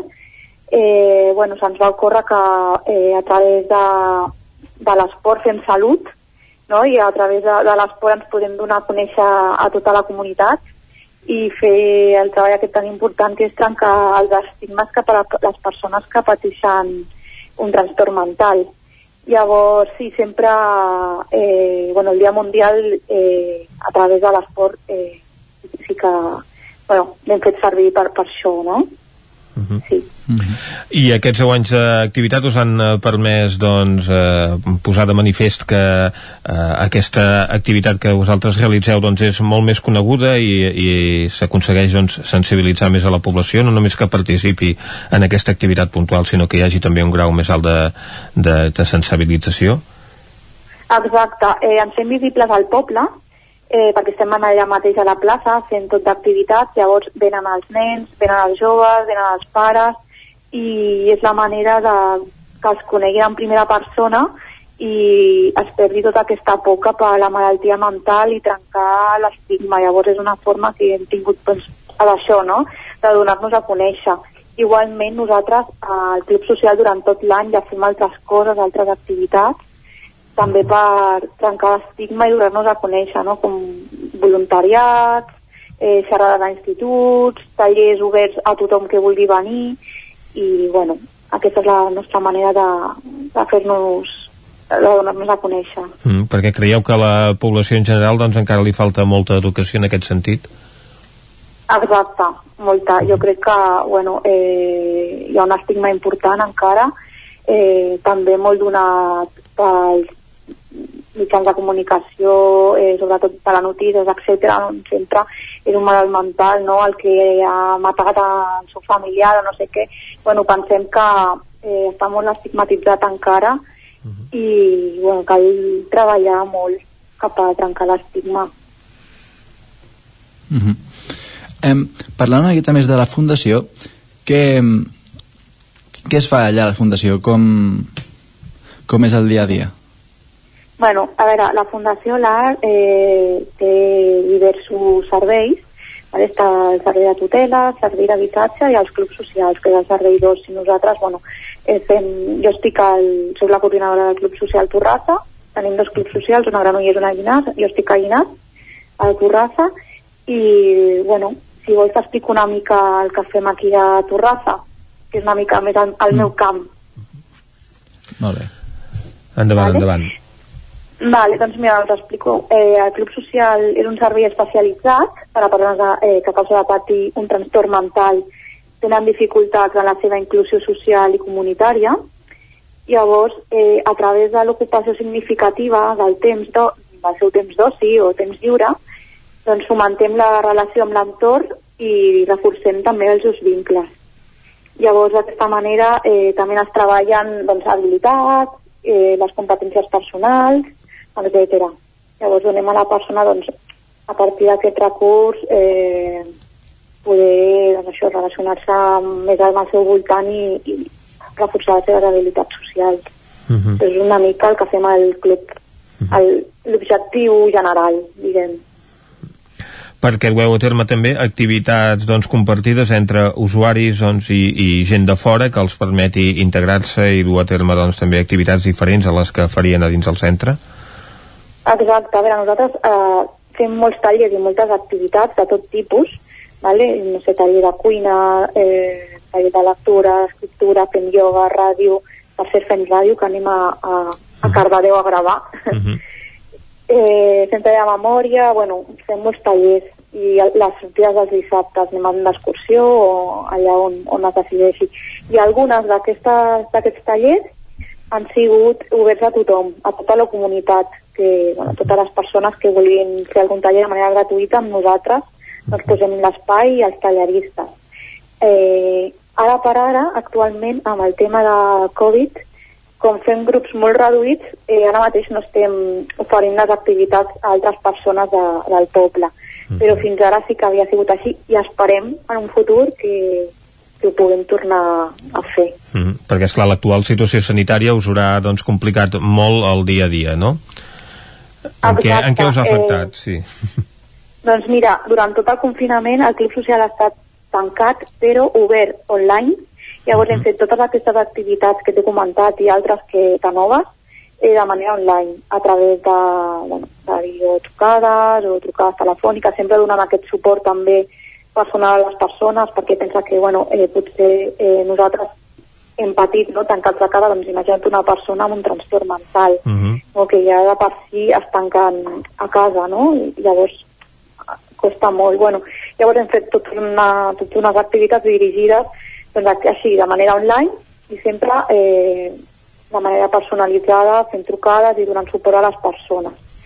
I bueno, ara eh, el que ens afecta és que els grups són més reduïts i això que et comentava abans, doncs que els grups no estan oberts a la comunitat, només als usuaris del grup social i sempre amb unes mesures eh, preventives, no? que són la mascareta, eh, el llibre alcohòlic, presa de temperatura, sempre la distància de dos metres entre persones i bueno, una mica com a la població en general, no? ens pot afectar a qualsevol lloc que, que anem ara mateix. Mm -hmm. Però segurament que molts d'aquests usuaris tenen una dificultat afegida per seguir aquesta formació en línia i és a vegades la falta de recursos, de mitjans o de saber-los utilitzar, no? Exacte, darrere tot això hi ha hagut una feina molt gran de eh, i ensenyar-los i que altres persones, també de familiars, etc., eh, ens ajudin a que puguin connectar-se a internet, no? perquè moltes persones no tenien ni tan sols accés a internet. Llavors, a partir d'aquí, eh, algunes persones han aconseguit a fer servir eh, doncs, xarxes socials, eh, poder fer videotrucades, eh, a fer servir internet en general, vale? perquè moltes persones no tenien ni tan sols accés. Llavors, bueno, també s'ha fet una feina molt gran en poder fer que eh, tinguessin accés a internet i ho sabessin fer servir. Uh -huh. Perquè segurament arran d'aquesta situació precisament el que haureu tingut probablement siguin més despeses doncs, a, a la fundació i probablement les ajudes doncs, que han d'arribar de l'administració arribin més tard. Exacte, s'ha tingut molta més, eh, més gastos i, bueno, aquestes ajudes mm, no sé si arribaran. D'acord, llavors em, nosaltres eh, estem tirant endavant el servei amb el mateix pressupost, tot i que hi ha hagut una despesa molt més elevada. Doncs Mireia López, coordinadora del Club Social Torrassa de la Fundació Lara Llinars del Vallès, gràcies per acompanyar-nos, per explicar-nos la realitat de la vostra situació i recordem que el proper dissabte doncs, hi ha aquesta activitat a l'Instagram del Club Social Fundació LAR a les 11 del matí en el marc dels actes del Dia de la Salut Mental que se celebra cada 10 d'octubre. Gràcies per acompanyar-nos. Gràcies a vosaltres. I ara nosaltres, eh, Jordi, anem a fer una petita pausa musical, no? Sí, uh, bé, abans uh, ens havies fet a tu, Vicenç, mateix una petició i aquí, com que estem per servir-vos uh, a tu i a tots els oients, doncs ja tenim el Pi de Formentor de la Maria del Mar Bonet. Avui estem homenatjant aquesta artistassa dels països catalans que resideix a Barcelona però que té les arrels a l'illa de Mallorca i a l'illa de Mallorca és on precisament hi ha un arbre que diu que el, vaja, mon cor estima un arbre més vell que l'olivera, més poderós que el roure, més verd que el taronger, conserva de ses fulles l'eterna primavera i lluita amb les tormentes que salten la ribera com un gegant guerrer. Això és una mica la, la lletra del Pi de Formentor, que si et sembla escoltem ara i Exacte. seguim a Territori 17. Escoltem com la música Maria del Mar Bonet. Vinga. Cor estima un arbre més vell que l'olivera, que el taronger. Conserva de ses fulles l'eterna primavera i lluita amb les ventades que topen la ribera com un gegant guerrer. No guaita per ses fulles la flor enamorada, no va a la fontanella, ses ombres a besar, més té un gi d'aroma, sa testa consagrada i per terra esquerpa serralada per font la immensa mar. Quan lluny damunt les ones reneix la llum divina, no canta per ses branques l'aucell que en captiva el crit sublim escolta de l'àguila marina o del voltor que puja ser l'ala gegantina remoure son Recordem-ho, Maria del Mar Bonet, Premi Nacional de Cultura 2020. Per això avui a Territori 17 doncs, escoltem la seva veu.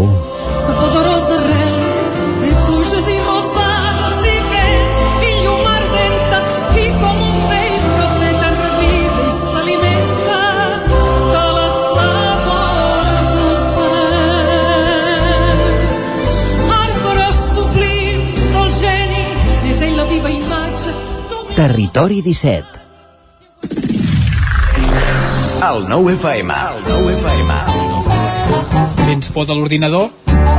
Vine al Magí. Amb les nostres píndoles digitals aprendràs la diferència entre internet i el núvol, com utilitzar el mòbil i les apps, i si ets professor dominaràs el Classroom. Sessions totalment pràctiques, fàcils i interactives. Som a Vic, telèfon 693 75 0507 o també ens pots visitar al magi.cat. Inscripcions obertes. Cocodril Club. Si t'agrada la bona música dels anys 60, 70 i 80, escolta el 9 FM als matins de dissabtes i diumenges d'11 a 1.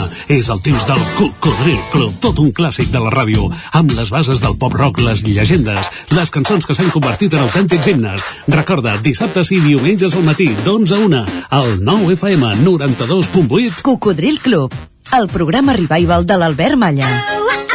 Hasta luego, cocodrilo. Vols trencar amb l'oligopoli de l'IBEX 35? Apunta't al consum estratègic i comença a consumir serveis catalans.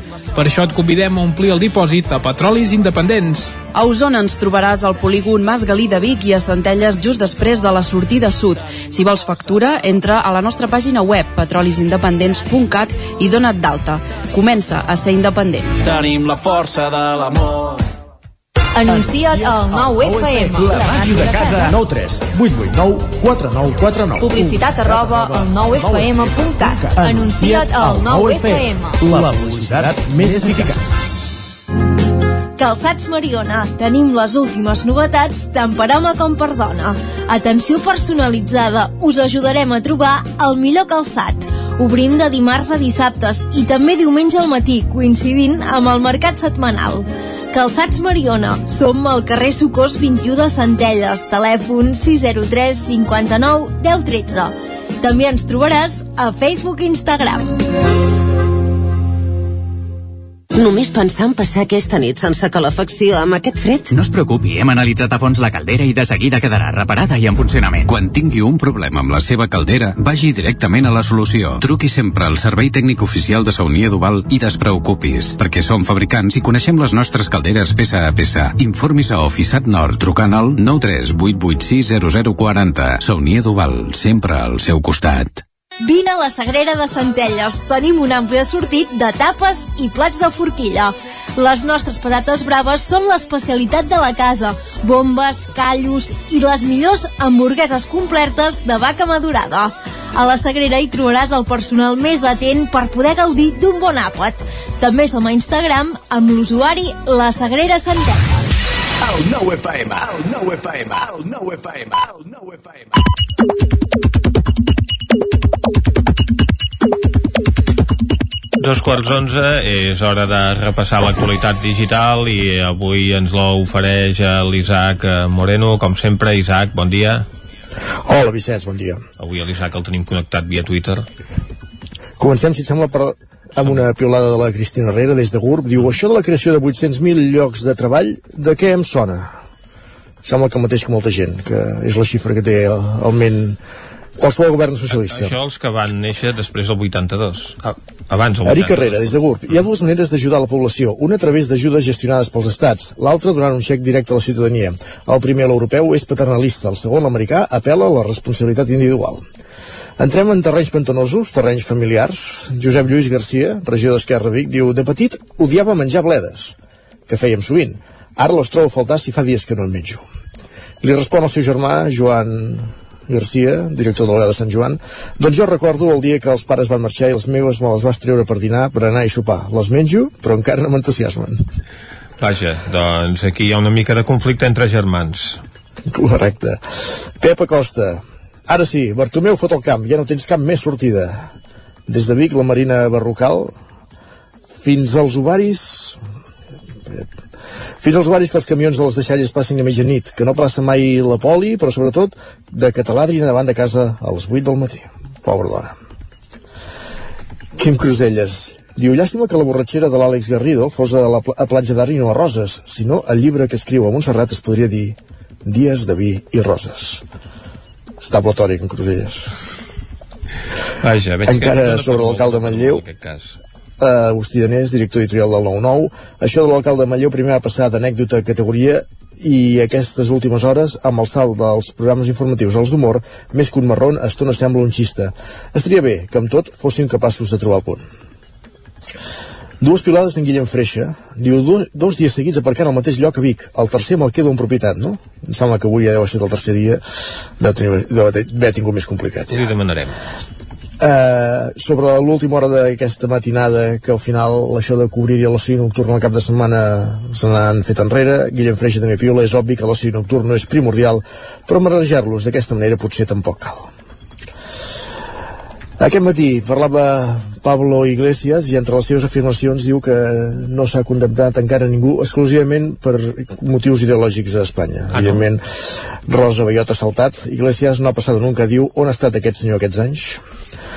I la Teresa Rossell diu encara ha tingut prou sort, tot i sent un muntatge, si Pablo es digués Pau ja estaria en presó preventiva. Si et sembla, Vicenç, anem a repassar ràpidament les portades de les edicions digitals del 9-9. Comencem Doncs per la verda, la de... portades del 9-9. El Vallès Oriental. L'Era d'Or de Granollers té un 13% de locals buits. També podem llegir el risc de rebrot de la Covid-19 torna a ser molt alt al Vallès Oriental i intent de robatori en una farmàcia de Mollet, en què està en un vehicle contra l'aparador de vidre. L'edició d'Osona i el Ripollès més de 30 ingressats amb Covid-19 a Osona. Salut congela la reobertura de l'oci nocturn per la pujada de l'índex de rebrot de la Covid-19. Unanimitat al ple de Vic per augmentar la borsa de pisos de lloguer assequible i Osona lidera la lluita entre ramaders i indústries pels tractes en el preu estancat de la llet. Molt bé, doncs, gràcies, Isaac, per aquest repàs al que hem trobat aquest matí a Twitter i demà en tornem a parlar. Fins demà. Adeu. Territori 17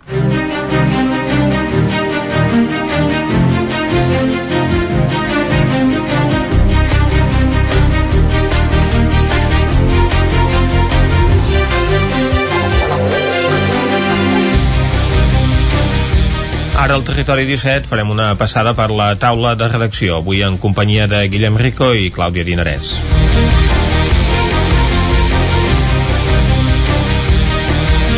Comencem, Guillem, parlant del ple de Torelló, un ple que era bastant dens, no? Sí, bon dia, va ser un ple dill eh, va ser dilluns al vespre, uh -huh. va ser el ple més tens i llarg d'aquest mandat, d'unes 3 horetes uh, i la tensió va ser per, la, per dues modificacions de pressupost que afectaven la compra de l'hotel de les Serrasses i també la de la nau de les Carrosses, unes compres que estan, es van arrossegant des de fa dos, dos pressupostos. Uh -huh. i bé, uh, amb aquesta modificació el que es feia és descartar definitivament la compra de l'antic hotel de, la, de les Serrasses, això ho apuntàvem uh, al ple del, de finals de juliol en què es veia perillar, o sigui, dèiem, aquí què ha passat? Dèiem que perillava el, el projecte. El tema és que eh, el, l'Ajuntament podia assumir la compra eh, el pacte que hi havia amb l'anterior govern era que l'Ajuntament comprava l'hotel i Sant Tomàs, l'associació Sant Tomàs eh, s'encarregava de la reforma un cop van fer els estudis i tot plegat eh, des de l'associació Sant Tomàs doncs van veure que no podien assumir eh, la reforma Cost. perquè l'edifici estava en unes condicions pitjors de les que creien i també pel tipus d'activitat doncs calia fer-hi algunes reformes concretes que feien que tot plegat s'enfilés a gairebé 5 milions d'euros deien que no podien assumir eh, tirar-ho endavant en un període de menys de 5 anys Uh, de menys de 10 anys. centre nou, la mar de gran, no? De menys de 10 anys, exacte. Uh -huh. Què passa ara? A Torelló deien que no descarten el projecte, però ara estan buscant alternatives. De fet, paral·lelament havien encarregat un estudi a la Diputació per veure les, necessi les necessitats assistencials del municipi. Uh, deien que amb aquest estudi es, es parla que en dos o tres anys poden faltar unes 80 places de um, residència per a gent gran i unes 15 per a persones amb, disc amb discapacitat. Uh, recordem que aquest projecte de les Serrasses era per a persones amb discapacitat i l'Ajuntament també plantejava ampliar-ho més enllà i aquest estudi de la Diputació també recomanava eh, que l'emplaçament d'aquest d'aquest equipament fos proper a la zona on hi ha actualment la residència de Cals Avis, el centre de dia, el casal cívic uh -huh. i també la, a més a més allà mateix també hi ha l'edifici de serveis socials de l'Ajuntament. Eh, el que estan fent ara tot just començar a mirar terrenys al voltant d'aquesta zona per, per poder ubicar-ho allà. De moment, clar, eh, ara això ha quedat com molt enrere des de l'oposició, des de Junts per Catalunya, que és qui havia liderat aquest projecte amb un tema molt de Santi Vivet, de l'exalcalde, deien que Esquerra no havia cregut mai en aquest projecte i que per això no ho havien volgut tirar endavant i des de la CUP criticaven que amb aquests diners el que s'ha fet és um, destinar-ho a altres partides d'inversions. Per tant, han aprofitat projectes que ja tenien treballats, que estaven previstos per l'any que ve, i els, els portaran a terme abans que acabi l'any.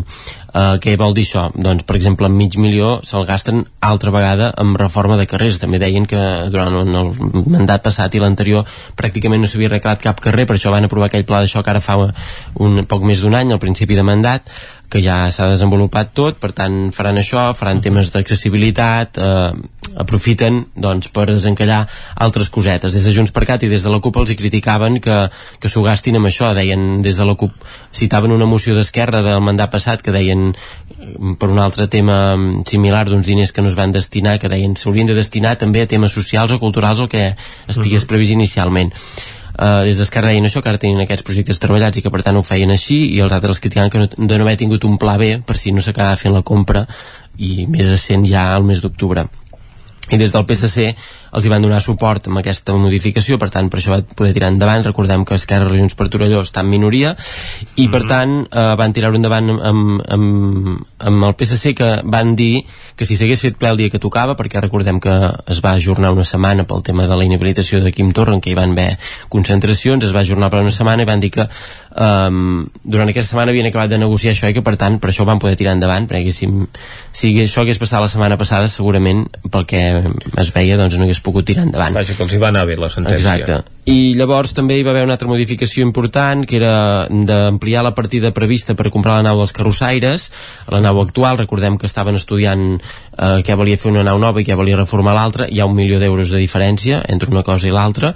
Um, han d'acabar d'estudiar què faran, des de la CUP deien que es van votar-hi en contra, perquè deien que um, que havien mirat molt la part econòmica i que uh -huh. s'havia de treballar el projecte perquè ells plantejaven també fer-hi com una escola, no? de dir, de, per aprendre diferents oficis com de soldar, -huh. de, de fuster, de diferents oficis que, que acaben aprenent molts carrossaires perquè és el que fan a l'hora de, de, de fer les carrosses per tant deien que aquesta nau no sigui només per fer les carrosses sinó que hi hagi un projecte més enllà des d'Esquerra no veuen malament aquest projecte però mm, bé, uns deien uns deien de començar per, un, per el projecte i després decidir, els altres decidir després mm -hmm. integrar el projecte.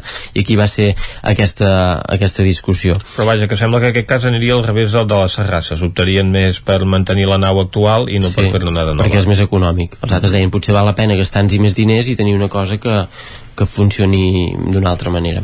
I després també s'ha aprovat una modificació d'un pla general de, concret de la zona del Puig que en diuen que és d'aquesta casa que hem parlat diferents vegades que es vol aterrar per fer un vial per connectar la ronda del Puig amb el carrer Camprodon. Aquí eh, és un tema que es va aprovar el canvi de, de, d'expropi... de, ara no recordo el nom, es va canviar el concepte per, per expropiació eh, uh -huh. um, i el que això es va fer en un ple l'últim ple sis dies abans de les eleccions passades eh, el febrer passat els tres grups de l'oposició van presentar la, eh, una moció dient que es desencallés això perquè hi havia unes al·legacions per respondre perquè els veïns havien, havien presentat al·legacions els veïns que els han d'aterrar a la casa per fer-hi passar aquest carrer eh, i els tres grups de l'oposició doncs es van van tirar endavant una moció amb l'abstenció de l'equip de govern perquè desencallessin això i contestessin les al·legacions.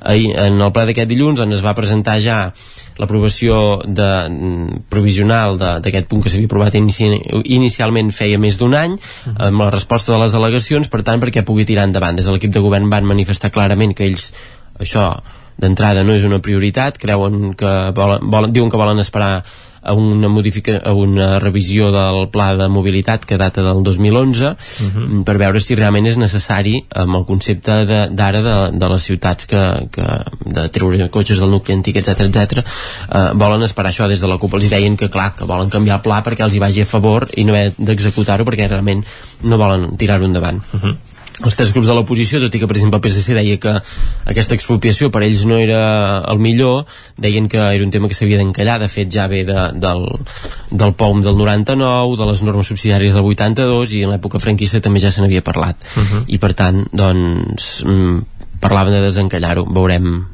com, com acaba, si realment des d'Esquerra ho acaben tirant endavant o deixaran que passi el temps i que no, i que no prosperi. Mm.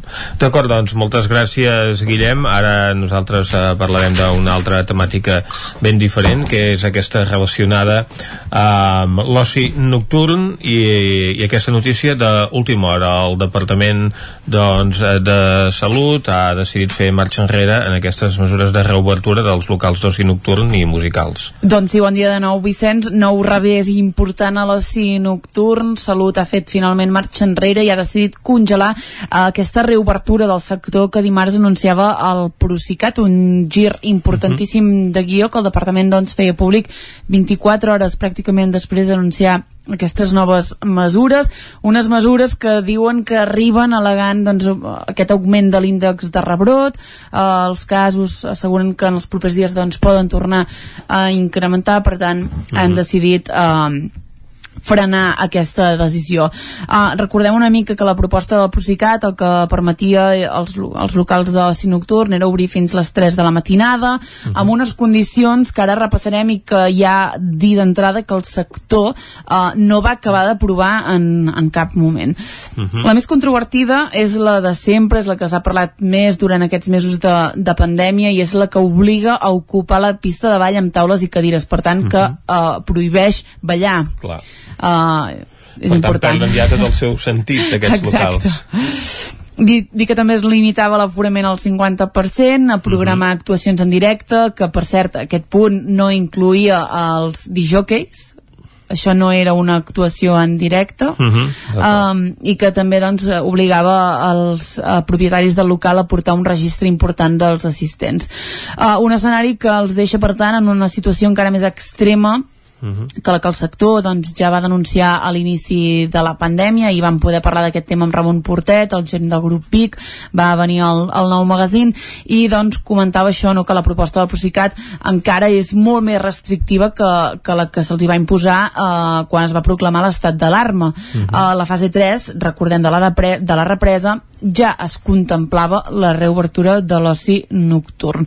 De fet, eh, Ramon Portet, que té cinc locals eh, d'oci nocturn aquí a la comarca, eh, va poder obrir un dia. Va ser el dissabte mm -hmm. abans de Sant Joan, va obrir les carpes Vic Estiu el, i les va preparar doncs, amb totes les mesures i amb tots els protocols que demanava al moment.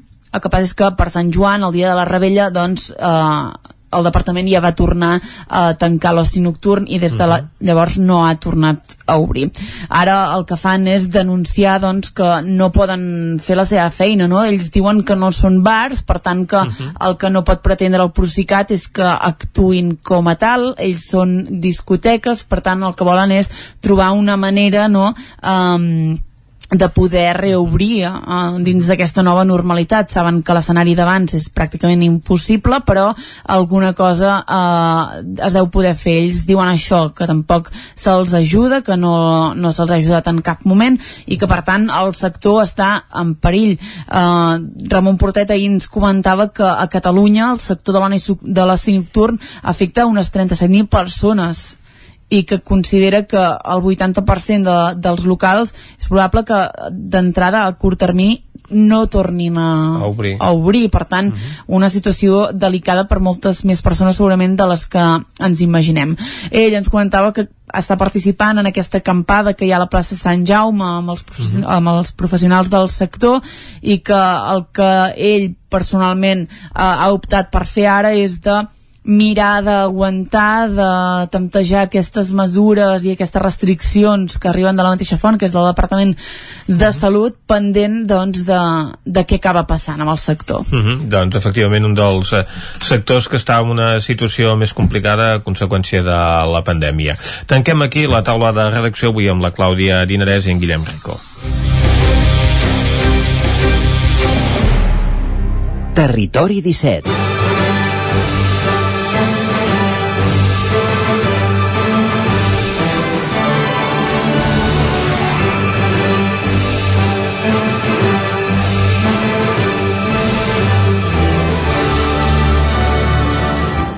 I ara, com que som dijous, el que toca és anar cap al cinema. Uh, Vicenç, no hi anem pas mai sols al cinema, eh? No, Sempre... sort que ens acompanya algú que s'ho coneix bé. Sí, és veritat. La Núria Lázaro, aquí...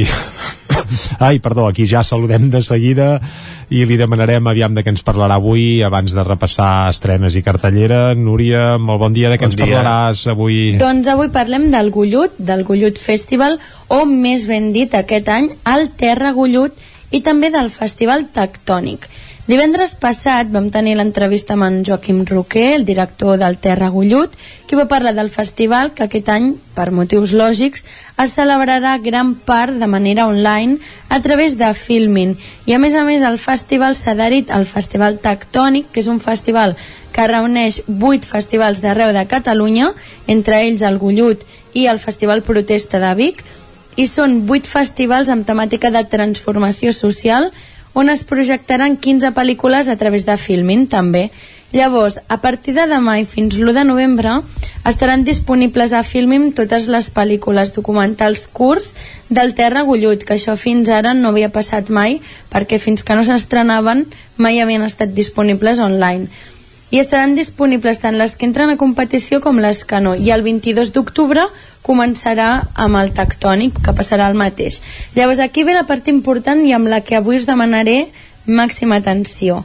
Des del festival ens han donat quatre codis dos pel Terra Gullut i dos pel Tectònic per poder gaudir de totes les pel·lícules dels festivals de manera gratuïta a través de Filmin, és a dir, uns codis per poder entrar gratuïtament a Filmin i visionar totes les pel·lícules, documentals i curts.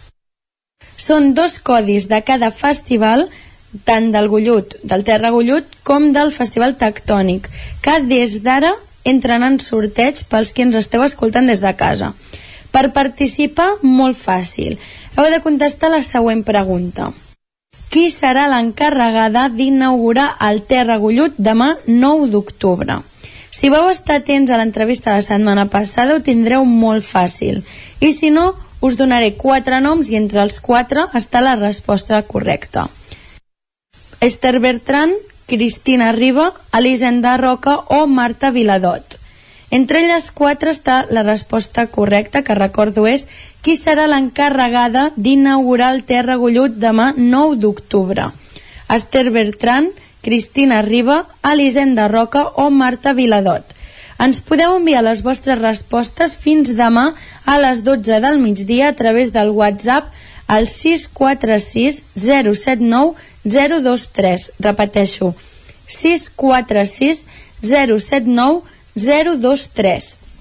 També ens podeu enviar la vostra resposta per Instagram a través de l'històric que acabem de penjar ara mateix a territori 17 o a través del correu electrònic territori17 arroba rtbc.cat.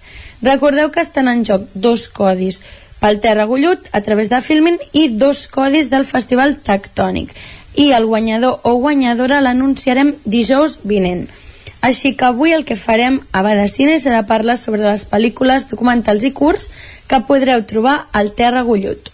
Siempre aquí en Bolivia hay de, del hombre, ¿no? Ese machismo que nos decían cómo una mujer puede subir a la montaña. No, eso están haciendo mal. Doncs comencem amb Xolites, que és un documental que s'estrenarà doncs, avui al Terra Gullut, on veurem a cinc dones indígenes bolivianes que protagonitzen una expedició. Com a símbol d'alliberació i empoderament es proposen escalar la muntanya més alta d'Amèrica. La seva imatge és sorprenent, escalen vestint la seva faldilla tradicional plena de colors. Són alguna cosa més que escaladores, són dones valentes que troben a la muntanya un espai per sentir-se lliures, felices i vives.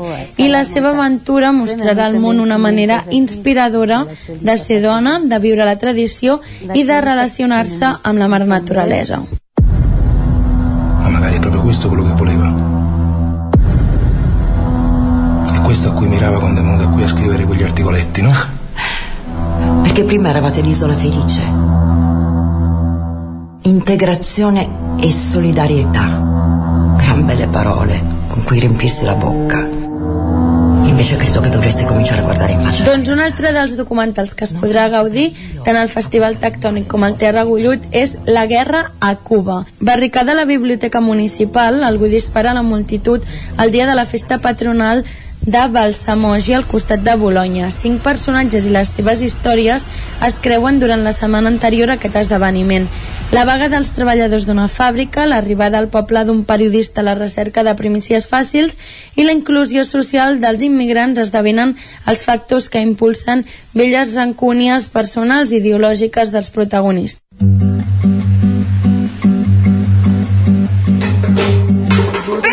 Pouca coisa? Não somos não, gente. Pensa que é só plantar e colher o algodão? Não é contar essa história pro mundo. Não consigo imaginar uma mudança se as mulheres... No... Doncs un altre dels documentals del que podeu gaudir si participeu al sorteig que us he explicat abans i que d'aquí una estona us tornaré a recordar és La Justa Trama, que és la cadena de producció més gran del segment de la confecció textil de l'economia solidària a Brasil amb centenars de treballadors i treballadores que està creant un sistema financer nou molt diferent del sistema tradicional.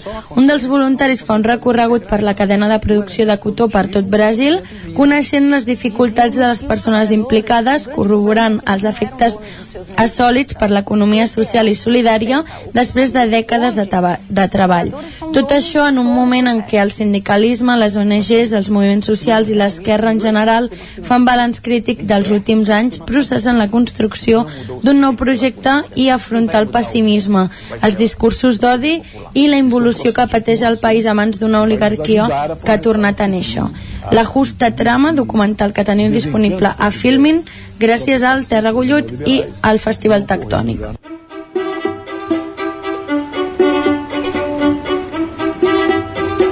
Doncs els altres documentals dels que us he parlat els podeu trobar algun dia de manera presencial en alguns dels cinemes que participen del Terra Gullut. En canvi, el que acabem d'escoltar ara, el tràiler de Para no volver, és un documental que només es podrà gaudir en línia a través de Filmin, per tant, si voleu participar en el sorteig, aquest documental el podreu veure. Para no volver parla de quan una exploradora deixa Honduras i ho deixa tot enrere, al vell mig de la nit no té l'oportunitat de preguntar cap a on va, però no està espantada, el seu pare està sempre tenint cura d'ella. Aquesta família d'Honduras viatja fins a Mèxic en recerca d'un lloc segur, un lloc on les seves dues filles poden créixer sense que les seves vides estiguin a la corda fluixa. Aquest és un petit capítol del viatge de la família per a protegir la vida de les seves filles i la seva innocència.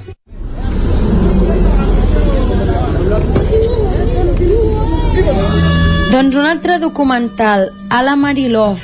Alamar és un barri perifèric de l'Havana ple d'artistes que expressen i plasmen la realitat en la qual estan immersos i en aquest context local es barregen poemes, grafitis i hip-hop mitjançant un diàleg expressiu de pau i amistat en el qual els protagonistes comparteixen les seves idees i els seus somnis amb un sentit comú de pertinença al seu lloc d'origen i al mateix temps com a experiència individual.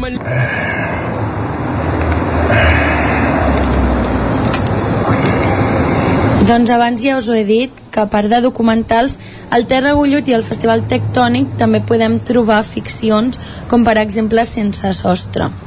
A Sense Sostres explica la història d'en Joan, un sense sostre que malviu als carrers de Barcelona amb la inseparable companyia del seu gos Tuc i decideix abandonar la seva rutina d'alcohol i violència i emprendre un viatge sobrehumà cap a una destinació que només ell coneix. La pel·lícula està protagonitzada per persones que han viscut al carrer treballant al costat d'actors professionals.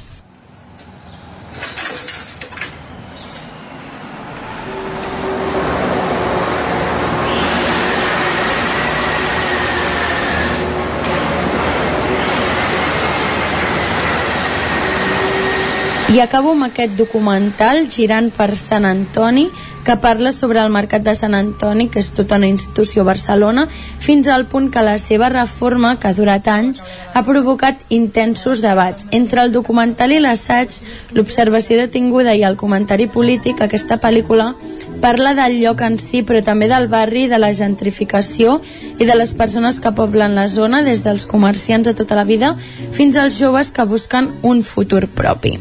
Com us he dit abans, avui està en sorteig dos codis per poder veure tots aquests documentals i pel·lícules de ficció que hem parlat ara de manera gratuïta a través de Filmin. Per participar, molt fàcil. Heu de contestar la següent pregunta. Qui serà l'encarregada d'inaugurar el Terra Gullut demà 9 d'octubre? Quatre respostes possibles, només una d'elles és la correcta. Esther Bertran, Cristina Riba, Elisenda Roca o Marta Viladot. Repeteixo, qui serà l'encarregada d'inaugurar el Terra Gullut demà 9 d'octubre. Ens podeu enviar les vostres respostes fins demà a les 12 del migdia. Us torno a repetir els noms, per si de cas. Esther Bertran, Cristina Riba, Elisenda Roca o Marta Viladot.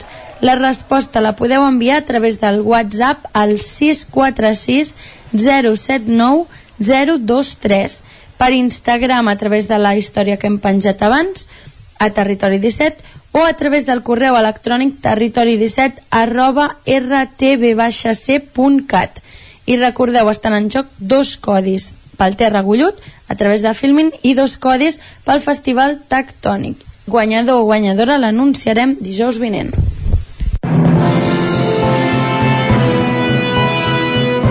No t'ho perdis. Estrenes de la setmana. I passem ara a les estrenes i no marxem gaire lluny del Terra Gullut perquè la primera d'elles és Des Extinción que és un documental que s'estrenarà demà divendres a les 9 del vespre al Teatre Cinema Comtal de Ripoll com a sessió inaugural del Gullut. Serà presencial, però si no hi podeu anar, la podeu gaudir a través de Filmin si compreu el passi o si el guanyeu gràcies a participar en el sorteig. People like to have something to believe in. It's what everyone wants. Ooh, magic. Stories have to come from somewhere. Al cinema Esbarjo de Cardedeu, avui, demà, divendres, dissabte i diumenge tindrem En busca de Summerland, un drama anglès subtitulat al castellà que no està recomanada per a menors de 7 anys ambientada a l'Anglaterra durant la Segona Guerra Mundial on molts nens van ser evacuats de les ciutats i enviats a petits pobles amb famílies locals que temporalment es feien càrrec d'ells. En aquesta pel·lícula parla del Frank un d'aquests nens que arriba a casa de l'Alice i aquesta resisteix a acceptar-lo. Tot i així, a poc a poc, a l'anar-se coneixent la innocència i curiositat del Frank fan que l'Alice obri el seu cor. Preparamos un número sobre personas ejemplares. ¿Quién? El señor Rogers. Hola, vecino. El adorado presentador de televisión infantil. Me alegro de volver a verte. Me contrataste como periodista de investigación, no para dar coba. Al casal Camprodoní de Camprodon s'estrenarà Un amigo extraordinario, que és una pel·lícula basada en fets reals i que segueix la història del conegut periodista Tom Junot i la seva amistat amb l'icona de la cultura americana, Fred Rogers, i està interpretada per el Tom Hanks que, el Tom Hanks que fa de, del Roger i podem conèixer coses d'ell que, que no t'imaginaves. ¡Que me arranquen las aletas! ¡Fíjate en este lugar! Conquistaremos a esta ciudad. Bellapez está en peligro. I acabem amb les estrenes al cinema Sucre. Primer tindrem El arco mágico de Vasily Rovensky. És una pel·lícula infantil que parla sobre el Delphi, que és un poruc dofí que descobreix l'arc màgic que pot transformar qualsevol peix en el que vulgui ser. Un dia els Morai fan un mal ús de l'arc i es tornen gegants i planegen apoderar-se de la Pacífica Fish Town. I el Delphi necessita reunir-se amb el seu pare perdut amb, amb la intenció de trobar la força i el poder per conquistar els Morai i protegir la seva ciutat. És una pel·lícula de una pel·lícula d'animació infantil que s'estrenarà demà a les 5 de la tarda.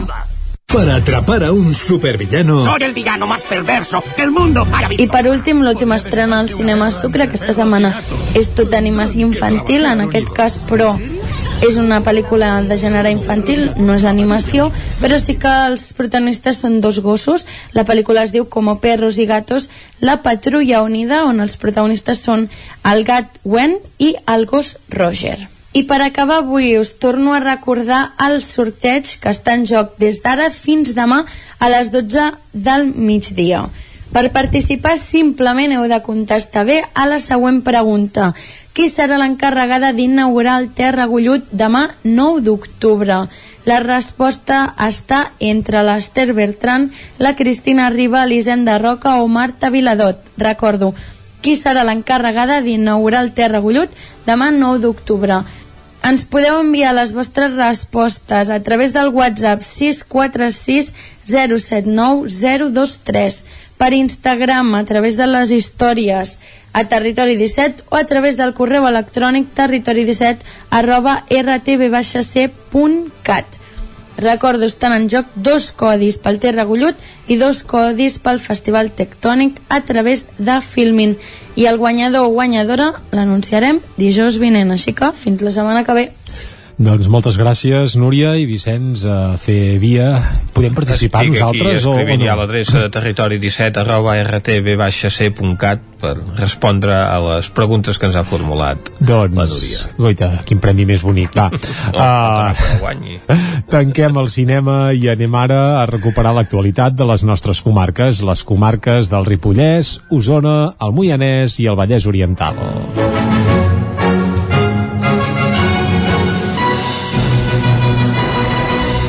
Territori 17. Territori 17, amb Vicenç Vigues i Jordi Sunyer.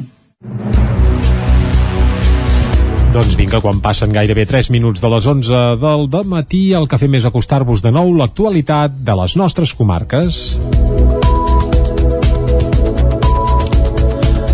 Als hospitals d'Osona hi ha més de 30 persones ingressades amb Covid-19. Segons la darrera actualització de dades del Consorci Hospitalari de Vic, ara mateix hi ha 34 persones hospitalitzades als centres usonencs, 31 a l'Hospital Universitari i 3 al de la Santa Creu. L'Hospital Sant Jaume de Manlleu, per la seva banda, manté la tònica de les darreres setmanes i de moment no hi consten malalts afectats per coronavirus. Fa 7 dies a Osona hi havia 20 persones hospitalitzades a causa de la malaltia, és a dir, que ha incrementat en 14 pacients. La bona notícia és que des de llavors als centres de la comarca no hi ha mort cap més persona a causa del virus. I a Manlleu el risc de rebrot ha baixat. La regió sanitària de la Catalunya Central té un total de 10.345 casos confirmats per PCR, 159 més en les últimes hores. A Vic el risc de rebrot s'ha disparat fins als 800 punts en 24 hores per sobre dels 616 de fa una setmana. A Manlleu, en canvi, l'índex va a la baixa i ha passat de 1.129 a 772.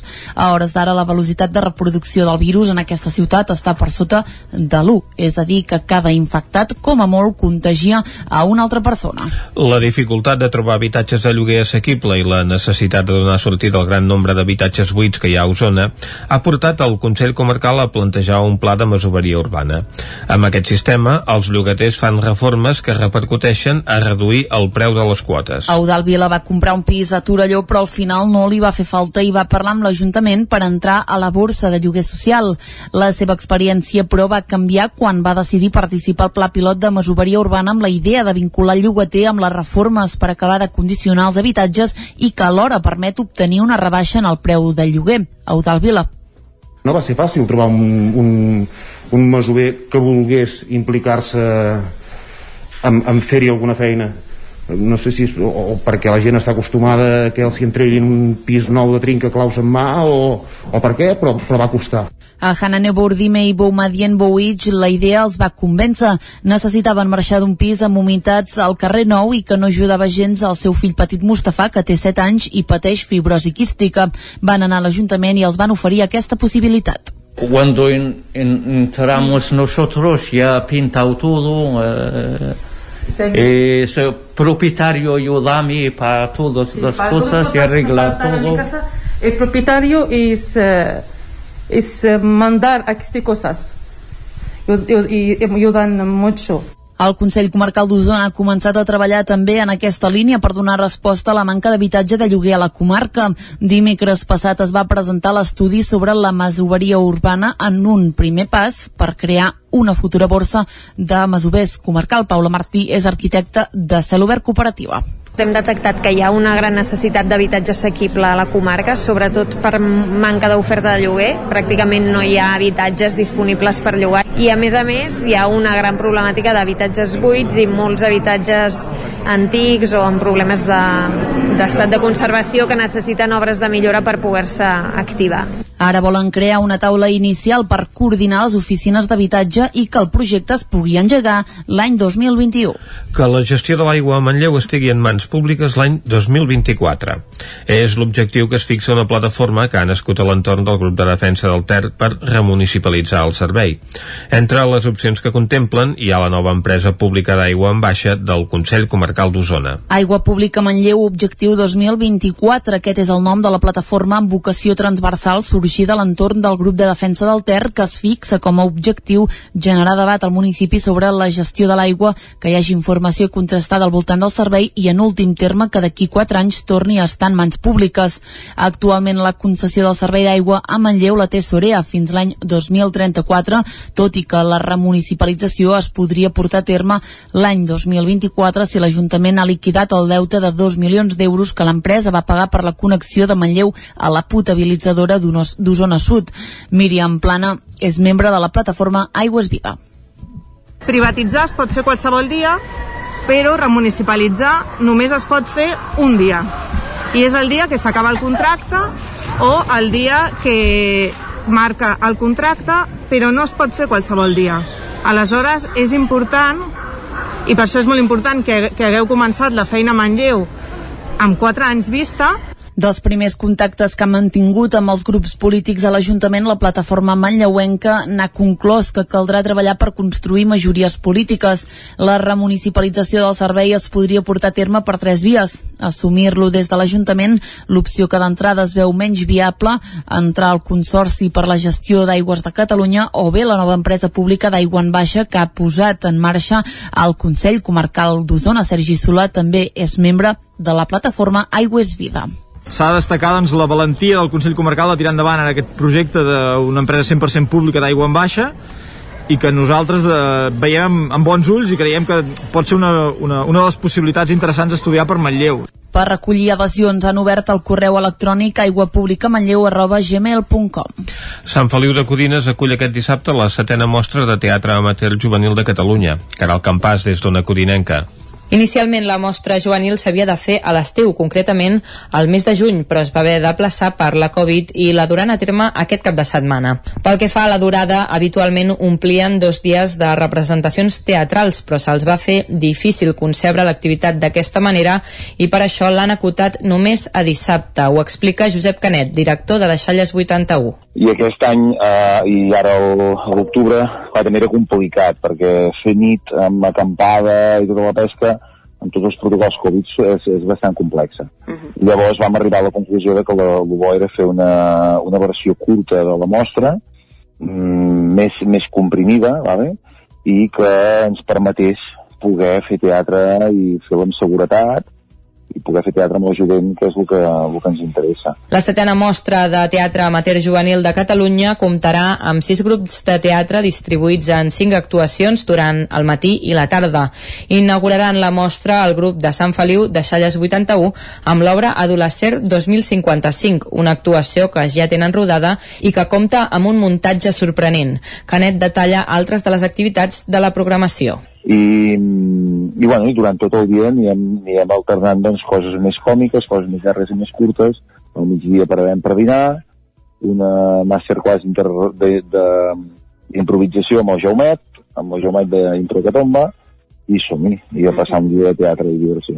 Sant Feliu és seu de la mostra des de fa sis anys i formen part de la Federació de Grups de Teatre Amateur, una entitat que promociona tres mostres a l'any, la Mostra Nacional de Pineda de Mar, la Mostra Juvenil i la Mostra Infantil que és itinerant.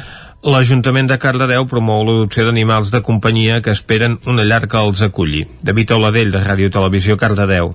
L'Ajuntament s'encarrega de l'acollida i del seguiment veterinari, però l'objectiu principal és que puguin trobar una llar. Alguns d'aquests animals els porten a la protectora Help Wow des de l'any 2018 i estan a l'espera d'adopció. L'Ajuntament en fa en alguns casos l'acollida i en tots els que té registrats el seguiment veterinari i en té cura, assumint-ne totes les despeses, a l'espera de l'objectiu principal, que trobin una família que els doni una segona oportunitat. L'adopció d'animals comporta una responsabilitat i un compromís envers la mascota i la societat, però també tot un seguit d'avantatges com la col·laboració a una associació de protecció d'animals o la contribució a la causa social de defensa del benestar dels animals. També ajuda a reduir la població d'animals abandonats. Pel que fa als avantatges per a aquells que compren, la despesa és molt inferior a la compra i els gossos i gats ja tenen les vacunes al dia i estan esterilitzats. El cantant Sant Joaní Jordi Blanc publica el seu primer disc, que es titula Blanc, i es basa en el rock. Isaac Muntades, des de la veu de Sant Joan. Després d'haver-se dedicat més de 20 anys al món de la música passant per orquestres i grups, el cantant Sant Joaní Jordi Blanc ha tret el seu primer disc, que es titula Blanc i té un total d'11 cançons que fluctuen entre el rock i hard rock amb algunes lletres que contenen crítica social i d'altres que són més sentimentals. Blanc ha estat treballant uns 4 anys i mig per poder fer aquest disc, el qual compta amb la col·laboració de 5 guitarristes, 3 baixistes, un bateria i un teclista que són amics del cantant. Blanc explicava que tot el disc l'ha gravat a casa, però sí que va poder fer la mescla i masterització durant dos dies a Musicland Studios de Jordi Soler, un dels estudis per on han passat els millors músics de tota Espanya. Blanc explicava la diferència entre fer un disc i la seva feina a l'orquestra. Jo crec que una mica de pors personals a vegades. No t'acabes de decidir, perquè hi ha temes que fa anys i anys que els tinc fets, que ara estan aquí al disc, però que els tenia fets a casa, composats de feia molts anys. No t'acabes de decidir mai, no saps com massa com fer-ho, dius ara... I al final, mira, allò que vas traient la idea i li dius a un amic, hòstia, doncs fes-ho ja i tal, i li dius a un altre, doncs tal, i vas agafant idees, i al final és com ha sortit el disc, perquè està tot gravat a, a base d'amics, de, de, de gent amb la que he tocat, que són molt amics i, i que, ostres, ho hem gravat tot a casa, saps? O a casa seva, o a casa meva, o... i ara amb les tecnologies, doncs, si fa falta allò... Mira, que t'envio la pista per WeTransfer, tu carregues, em graves la guitarra m'ho tornes. Blanc va estudiar teatre musical a Barcelona quan tenia 18 i 19 anys i en un taller de percussió va conèixer a Santi Arisa. Durant 9 anys va estar tocant a la seva orquestra, però va decidir plegar per cansament personal. Més tard va començar a tocar amb l'orquestra Tàndem de Lleida, després a la Welcome Band, també a la capital del Segrià, i d'aquí va fer el salt a la Titanium de Girona abans de tornar a la Welcome. Al principi de la seva carrera com a músic, Blanc feia unes 120 actuacions a l'any amb Santi Arisa. Aquest 2020, si tot hagués estat normal, n'hauria fet 67, però amb la Covid-19 per ara només n'han pogut fer un parell. Blanc té ganes de poder presentar el nou disc quan passi el coronavirus i ja té previst fer un nou disc, ja que té noves cançons escrites. I fins aquí el butlletí informatiu de les 11, que us hem ofert amb les veus de Vicenç Vigues, Clàudia Dinarès, David Auladell, Caral Campàs i Isaac Muntades. I ara, abans de dir bon dia al Jordi Soler, que com fa cada 15 dies ens vindrà a visitar presencialment aquí als estudis del nou FM, a alegrar-nos interiorment, el que farem és fer un cop d'ull a la situació meteorològica.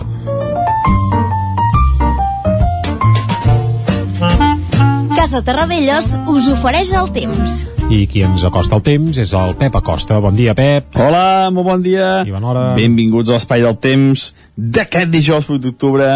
Ja veieu com avança la setmana i ja veieu també com va avançant el mes. I els Això no anys para, i eh? no parem. I el que no para tampoc és el temps i la informació meteorològica que a partir d'avui és més interessant perquè hi comença a haver més moviments pel que fa al temps i això, I sempre, això sempre agrada a tu als sí. que expliquem tu especialment. aquestes notícies. Sí, sí, sí. A les pròximes hores, aquests núvols del prelitoral, més o menys de Vic cap al sud, encara continuaran. Eh, són força espessos i encara poden provocar alguna petita precipitació.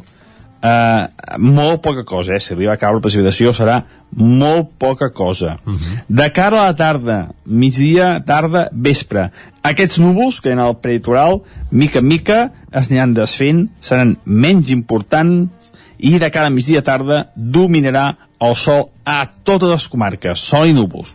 No serà un sol-sol molt, molt, molt important, però sí que hi haurà sol i núvols. I les temperatures molt semblants a les d'ahir. Poder 1 o 2 graus més baixes, és a dir, migdies força suaus, potser no de màniga curta, però sí que de màniga de camisa, perfectament es pot estar cap al migdia, primeres hores de la tarda. Les màximes entre els 21, 24, 25 graus, ja veieu, eh? Molt, molt suaus, que no tenen res a veure amb els que tindrem el cap de setmana. Mm, tercer cap de setmana de canvi meteorològic i gairebé calcat. Eh, els últims tres, caps de setmana Un clàssic, ja. seran iguals, que iguals, però bueno, ja ho direm demà, demà direm tots els detalls del cap de setmana. I això és tot, amics oients. Uh, demà, com deia, uh, parlarem d'aquest canvi de temps que ja el tenim a les portes. Moltes gràcies. Adéu, bon dia. Vinga, adéu, Pep Acosta. Uh, que estrany, eh? Arriba el cap de setmana i ja ens havia alertat tant a les 9 com a les 10 el Pep que arriba també un canvi de temps.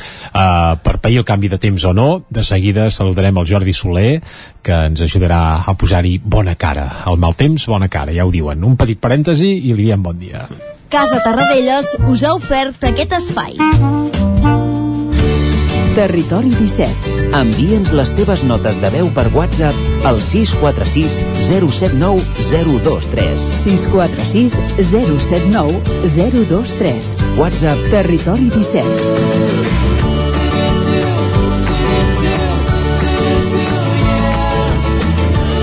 Territori 17.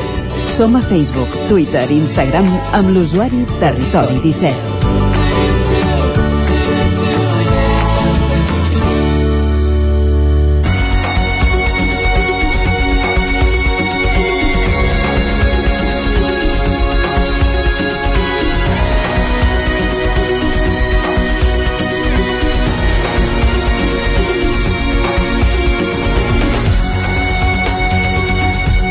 Doncs passen dos minutets d'un quart de dotze del matí, Vicenç, i en aquest moment saludem en Jordi Soler, que ja el tenim aquí a la I tant. peixera del nou FM, eh? Sí, senyor. I li diem molt bon dia. Molt bon dia. I no sé, jo li voldria preguntar això, eh? Que quan ve el cap de setmana sempre resulta que últimament sempre plou uh, i canvia el temps i, i tot plegat, però va, com que no ens ve pas a parlar de meteorologia, sinó que ens ve a alegrar interiorment, doncs que ens ajudi a superar, ni que sigui aquests desgavells meteorològics quan ve el cap de setmana.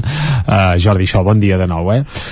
Molt bon dia. I Ja de què ens parlaràs avui? aviam? Bueno, si voleu que parlem del temps, parlem del temps. Home, dir és molt recurrent i aquí ens agrada fer-ho, eh? però, però Va, és que precisament sabem que, que plou, que hi ha els núvols i que sobre hi ha el sol, vull dir que és tot, són parts, eh? i segons com vulguem veure-ho, podem veure els núvols, podem veure el mal temps, o podem saber que per damunt de tot això doncs, hi ha molta claror, hi ha molt sol i hi ha molta alegria. Ens podem fixar amb el que vulguem. I precisament parlarem de la part que volem veure dins nostre. Eh? Mm. Vull dir que podem veure el sol, podem veure els núvols. A dins nostre també hi és aquesta petita tempesta que es produeix a diari en molts aspectes i que podem focalitzar en una direcció o en una altra i això condicionarà una mica el nostre benestar. Eh? I aquestes parts precisament hi ha un conte de la tribu Cherokee un... De la tribu Cherokee, de la tribu. Cherokee, un savi, un avi un, un jefe indio, eh, d'aquells que fumaven la pipa de la pau, que explicava al seu net, és, una petita, és un petit conte, però ens ajudarà a entendre això de les parts. I amb, vagi, a veure millor el sol, eh? sobretot Exacte. quan hi ha núvols. Doncs no, aviam. vull dir, precisament a dir... La història va d'això, eh, també. Uh -huh. Explicava al seu net que dins nostre hi han dos llops.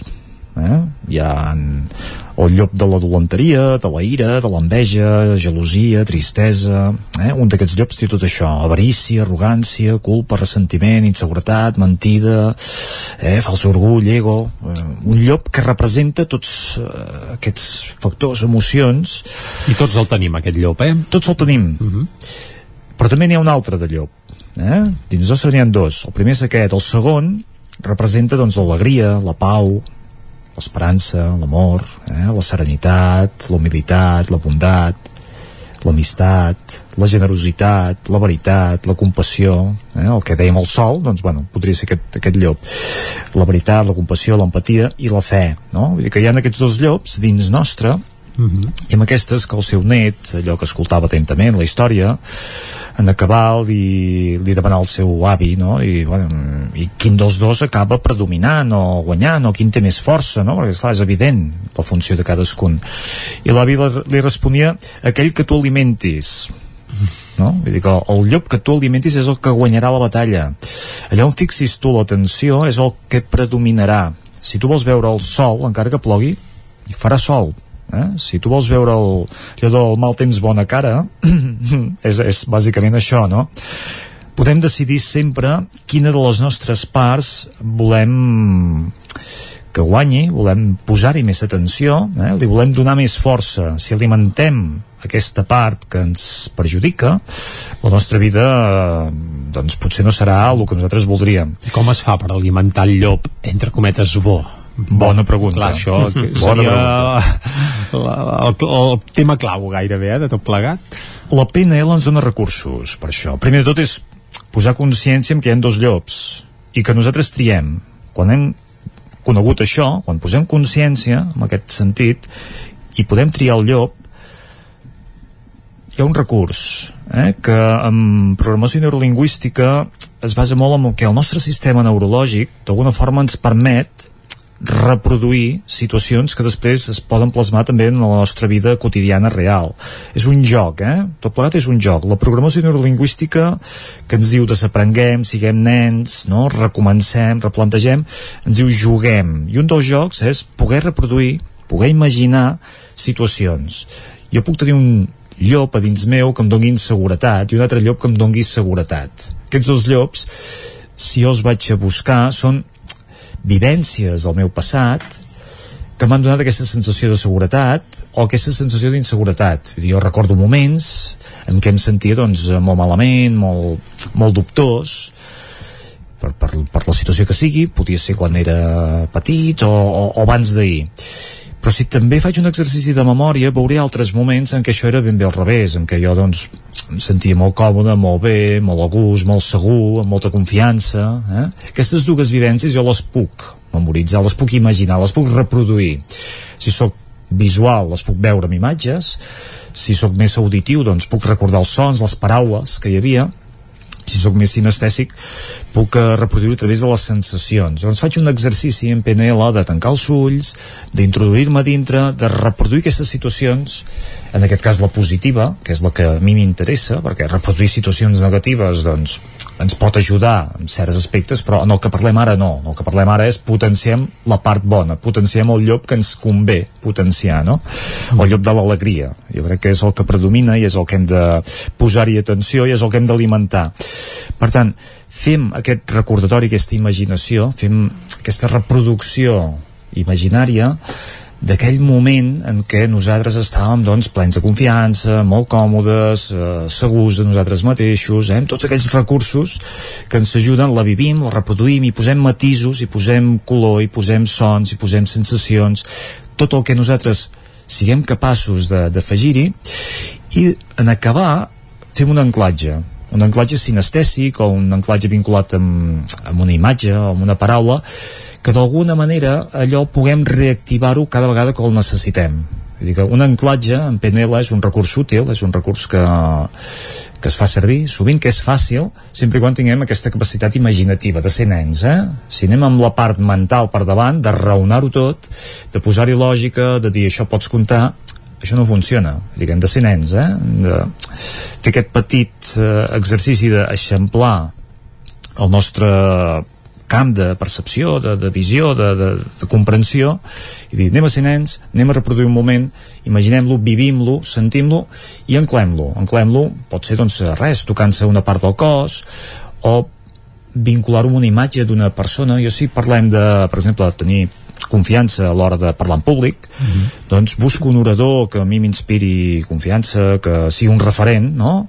La seva imatge a mi em vincula doncs, amb, amb aquesta seguretat que desprèn i amb la sensació que jo he experimentat, amb les dues coses, eh? Vinculo el que he pogut incorporar d'aquesta persona, referent, amb la sensació que he experimentat amb aquest exercici d'imaginació. Quan lligo aquestes dues coses, d'alguna manera reforço aquest llop, alimento aquest llop no? de, de la confiança això em pot ajudar i ho puc recuperar sempre que ho necessiti a través d'aquest anclatge dir, recorrent a, a la imatge o recorrent a aquest, aquest toc sinestèsic no? allò, doncs m'agafo el dit petit, la punta del dit petit per anclar-ho, llavors cada vegada que activi aquest punt en el dit petit m'ajudarà, em recordarà aquesta part meva que jo necessito, que em dona doncs, confiança, em dona fortalesa, em dona un estat de, de, de benestar, no? Mm -hmm. Vull dir que, però els llops, i són tots dos, nosaltres triem a quin posem atenció. Eh? Quantes vegades estem pensant en coses que ens perjudiquen i donem voltes i això és alimentar el llop que no ens convé. I dediquem molts recursos i molt esforç i molta energia amb aquest llop, eh? encara que no ens ho sembli inconscientment, automàticament els mecanismes sempre van cap allò que, que ens afecta que ens pesa més no? i d'aquesta manera el que estem fent és donar més força, fer més gran el llop que ens perjudica dir que prendre consciència, activar doncs, eh, aquest exercici d'anclatge ens pot ajudar a compensar la balança i a fer créixer més el... El llop alegre, bo, optimista diguem-ni com vulguem el llop alegre, per tant, som lliures de triar si volem veure sol o núvols jo vull fa un dia tapat, però mhm. sé, sé que en el meu imaginari puc mhm. traslladar-me en situacions de molt sol, de molta llum, i viure-ho i experimentar-ho i sentir-ho no? sense que avui hagi de veure el sol directament Vull dir, el sol sí que hi és i està sobre dos núvols no? no està bé tenir la consciència sempre tranquil·la en el sentit de que per molts núvols que hi hagi sempre, sempre al damunt hi ha el sol això està bé, a partir d'aquí no? De, bàsicament, i, i que hi ha gent que li agraden els núvols, eh? O sigui, ah, no, si una cosa és pas que... l'altra, el Pep Acosta, un fan dels núvols, el nostre meteoròleg. Sí, per tant, sí. dius, bueno, el llop que tu et convé alimentar és el cas d'alimentar, vull dir que hi pot haver un llop que per tu sigui bo i per un altre sigui dolent, vull dir que, mm. bueno, el que tu et convingui, el que t'ajudi, el que et doni el que tu necessites és el que realment has d'acabar alimentant. Jordi, moltes gràcies per alimentar-nos i donar-nos llum i sol en un dia així una Arriba el llop de l'hora. Exacte. Gràcies. Fins ara. El nou FM, la ràdio de casa, al 92.8. Centelles tenim un ampli assortit de tapes i plats de forquilla. Les nostres patates braves són l'especialitat de la casa. Bombes, callos i les millors hamburgueses completes de vaca madurada. A la Sagrera hi trobaràs el personal més atent per poder gaudir d'un bon àpat. També som a Instagram amb l'usuari La Sagrera Centelles. I si aquest any fem el sopar d'empresa al racó de León? Mmm, podrem triar entre confitado de pato con salsa de ciruelas y manzana en compota o cochinillo asado a la castellana con patatas teja i fer un aperitiu amb gambes i navalles. I de segon, filetes de lenguado rellenos de langostinos i musselina de frutos secos. I tot acompanyat del millor celler. El sopar d'empresa, al racó de León. Carrer Torelló 35 de Vic. Telèfon 93 889 1950. Som especialistes en cargols de la llauna. Vine a tastar-los al racó de León. No em trec la imatge dels nens amb cara de velocitat baixant per la pista vermella. Sí, molt divertit. I quin fred. Uh. Tranquil·la, he deixat l'estufa encesa i la casa està calenta. Sempre tenim sort de comptar amb Corretja. Són especialistes en aïllaments i estufes. Acabar la jornada d'esquí amb la família al voltant de l'estufa i amb aïllaments de primera és 100% Corretja. Corretja. Tot i més a corretja-sl.com Et costa l'escola? Vine al Magí. T'oferim atenció personalitzada en grups reduïts per descobrir i superar els obstacles per aprendre. Treballarem l'organització, les tècniques d'estudi i diferents estratègies en nivell emocional per encarar les dificultats. Som a Vic, al carrer Bisbe Morgades 12, telèfon 693 75 05 07 o també ens pots visitar al magi.cat. Inscripcions obertes. Pintures Xevi Soler. Tot en pintures. Façanes, obra nova, rehabilitacions interiors de vivenda, estucs, microciments, pintura industrial, motllures, terres vinílics... Pintures Xevi Soler. Ens agrada assessorar-vos i fer de casa vostra el millor lloc del món. Ens trobareu a Manlleu, al carrer Sogorb 113, telèfon 616 1587 33 o 93 851 3504. La ràdio de casa al 92.8. El 9 FM.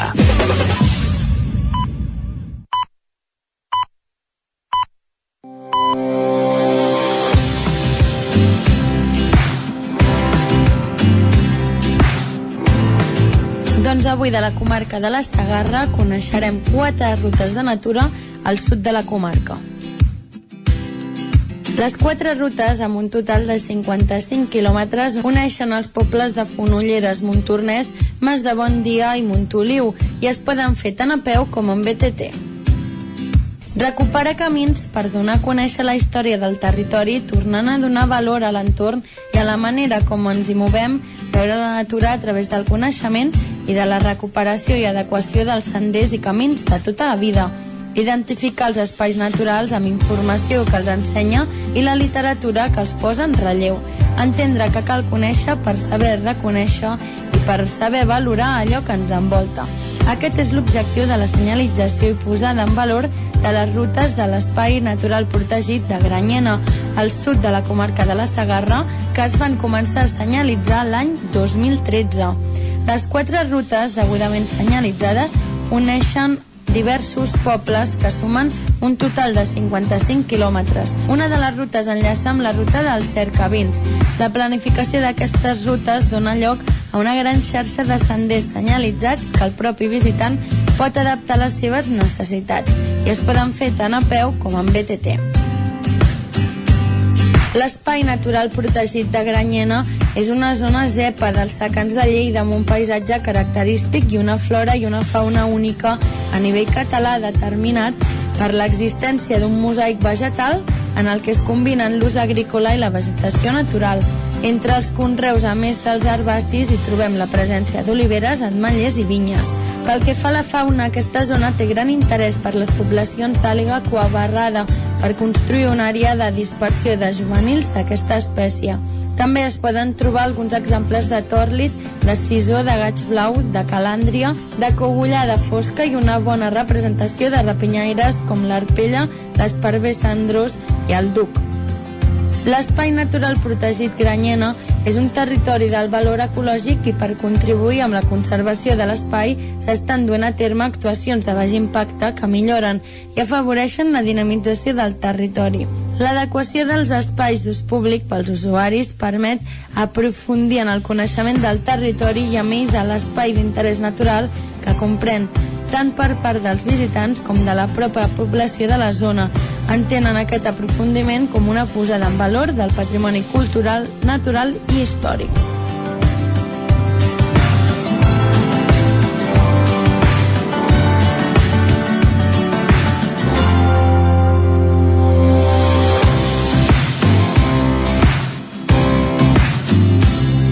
Territori 17. I després d'anar cap a la Sagarra, anem amb tren, no, Exacte. Vicenç? Doncs a Trenc d'Alba. Ens hi enfilem? Anem a l'R3. Vinga. A Tren d'Alba. Cada dia els usuaris de la línia R3 de Rodalies que veuen sortir el sol des d'un vagó ens expliquen les gràcies i les penes del primer comboi que uneix Ripoll i Barcelona.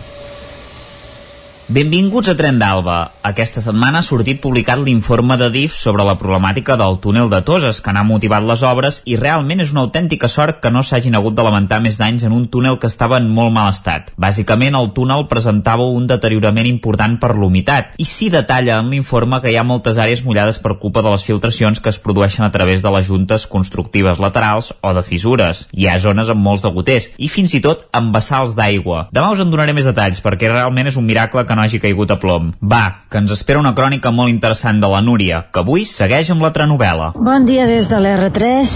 Avui el tren ja ha sortit de Vic tard, uns 12 minuts, i ara ha arribat aquí a Torrebaró 16 minuts tard. Tornarem a batallar, a veure si avui m'hi estan amb el bitllet. Això és qüestió de loteria, a veure què decideix el vent en aquell moment. Esperem que avui tinguem sort i que realment també m'hi estiguin. Bueno, el viatge ha sigut distès, tranquil. Avui, tot sigui per la crònica, us informaré que m'he posat al vagó on hi havia part d'aquells nois ja famosos futbolistes. Si no fos perquè he de poder fer la crònica, també us diré que m'hauria posat a l'altra punta del vagó perquè fan molt de xivarri. Especialment avui que estaven nerviosos perquè havien de fer un examen i estaven enfadats perquè cada setmana en tenen un i demanaven a veure si almenys estiguessin de sort i els hi posessin molts dibuixos perquè és molt més fàcil explicar-ho amb dibuixos que escrit. Bueno, la veritat és que estaven com molt nerviosos, alterats, eh, enfadats amb aquest mestre, que si cicle d'injecció directa i indirecta, que si combustió interna, que si vàlvules d'escapament, les fases del motor, els pistons, la compressió... Bueno, m'ha fet gràcia tot plegat. També dir-vos que s'està perdent el català perquè anaven dient gúspira en lloc de guspira, tan bonic que es diu guspira i anaven dient gúspira, però bueno, esperem que algú els hi faci arreglar aquest error i que aprenguin a parlar com cal, perquè és molt més bonic dir guspira que gúspira. En fi, res, uh, un recordava que primer se'n recordessin de posar el nom a dalt de tot, que no se l'oblidessin, i res, que volien treure bones notes, que depenia molt de les preguntes, i com que el tren ha anat tan tard, tenien l'esperança d'arribar tard i no haver de fer l'examen. Cosa que, clar, amb tota aquella tropa que són, jo crec que més aviat deuen retardar l'examen perquè el puguin fer tots. En fi, us saludo des de l'R3, un dia més, amb el tren tard, no ha fet gens de fred, i a veure si estem de sort i avui em tornen el bitllet. Una abraçada a la Núria, adeu-siau, bon dia. Esperem que en aquests joves futbolistes els hi hagi anat molt bé aquest examen relacionat amb mecànica que tenien i que, sobretot, hagin posat el nom a dalt de tot, que després hi ha molts anònims i acaben amb un suspens. Va, ens retrobem demà i recordeu que ja portem acumulat un retard de 3 hores i 6 minuts des de l'inici d'aquest mes de setembre. Territori 17. El racó de pensar, a Territori 17. Doncs vinga, després d'anar a fer un cop d'ull a la Sagarra, allò, vaja, per si anem al cap de setmana, doncs saber on hem d'anar.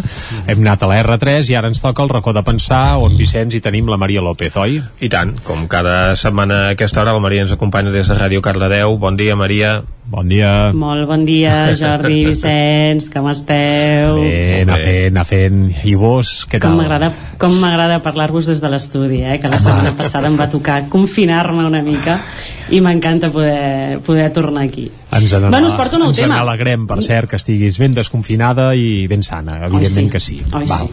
Que duri, que duri.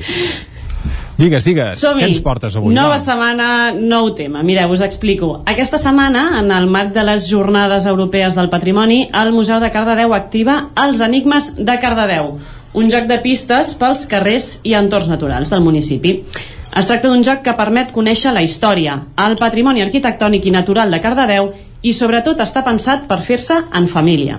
Arrel d'aquest projecte, des del racó de pensar, hem volgut posar llum sobre aquesta difícil tasca que tenen els museus de ser un mirall d'art i d'història i sobre com s'ho deuen fer per atraure la ment dels infants.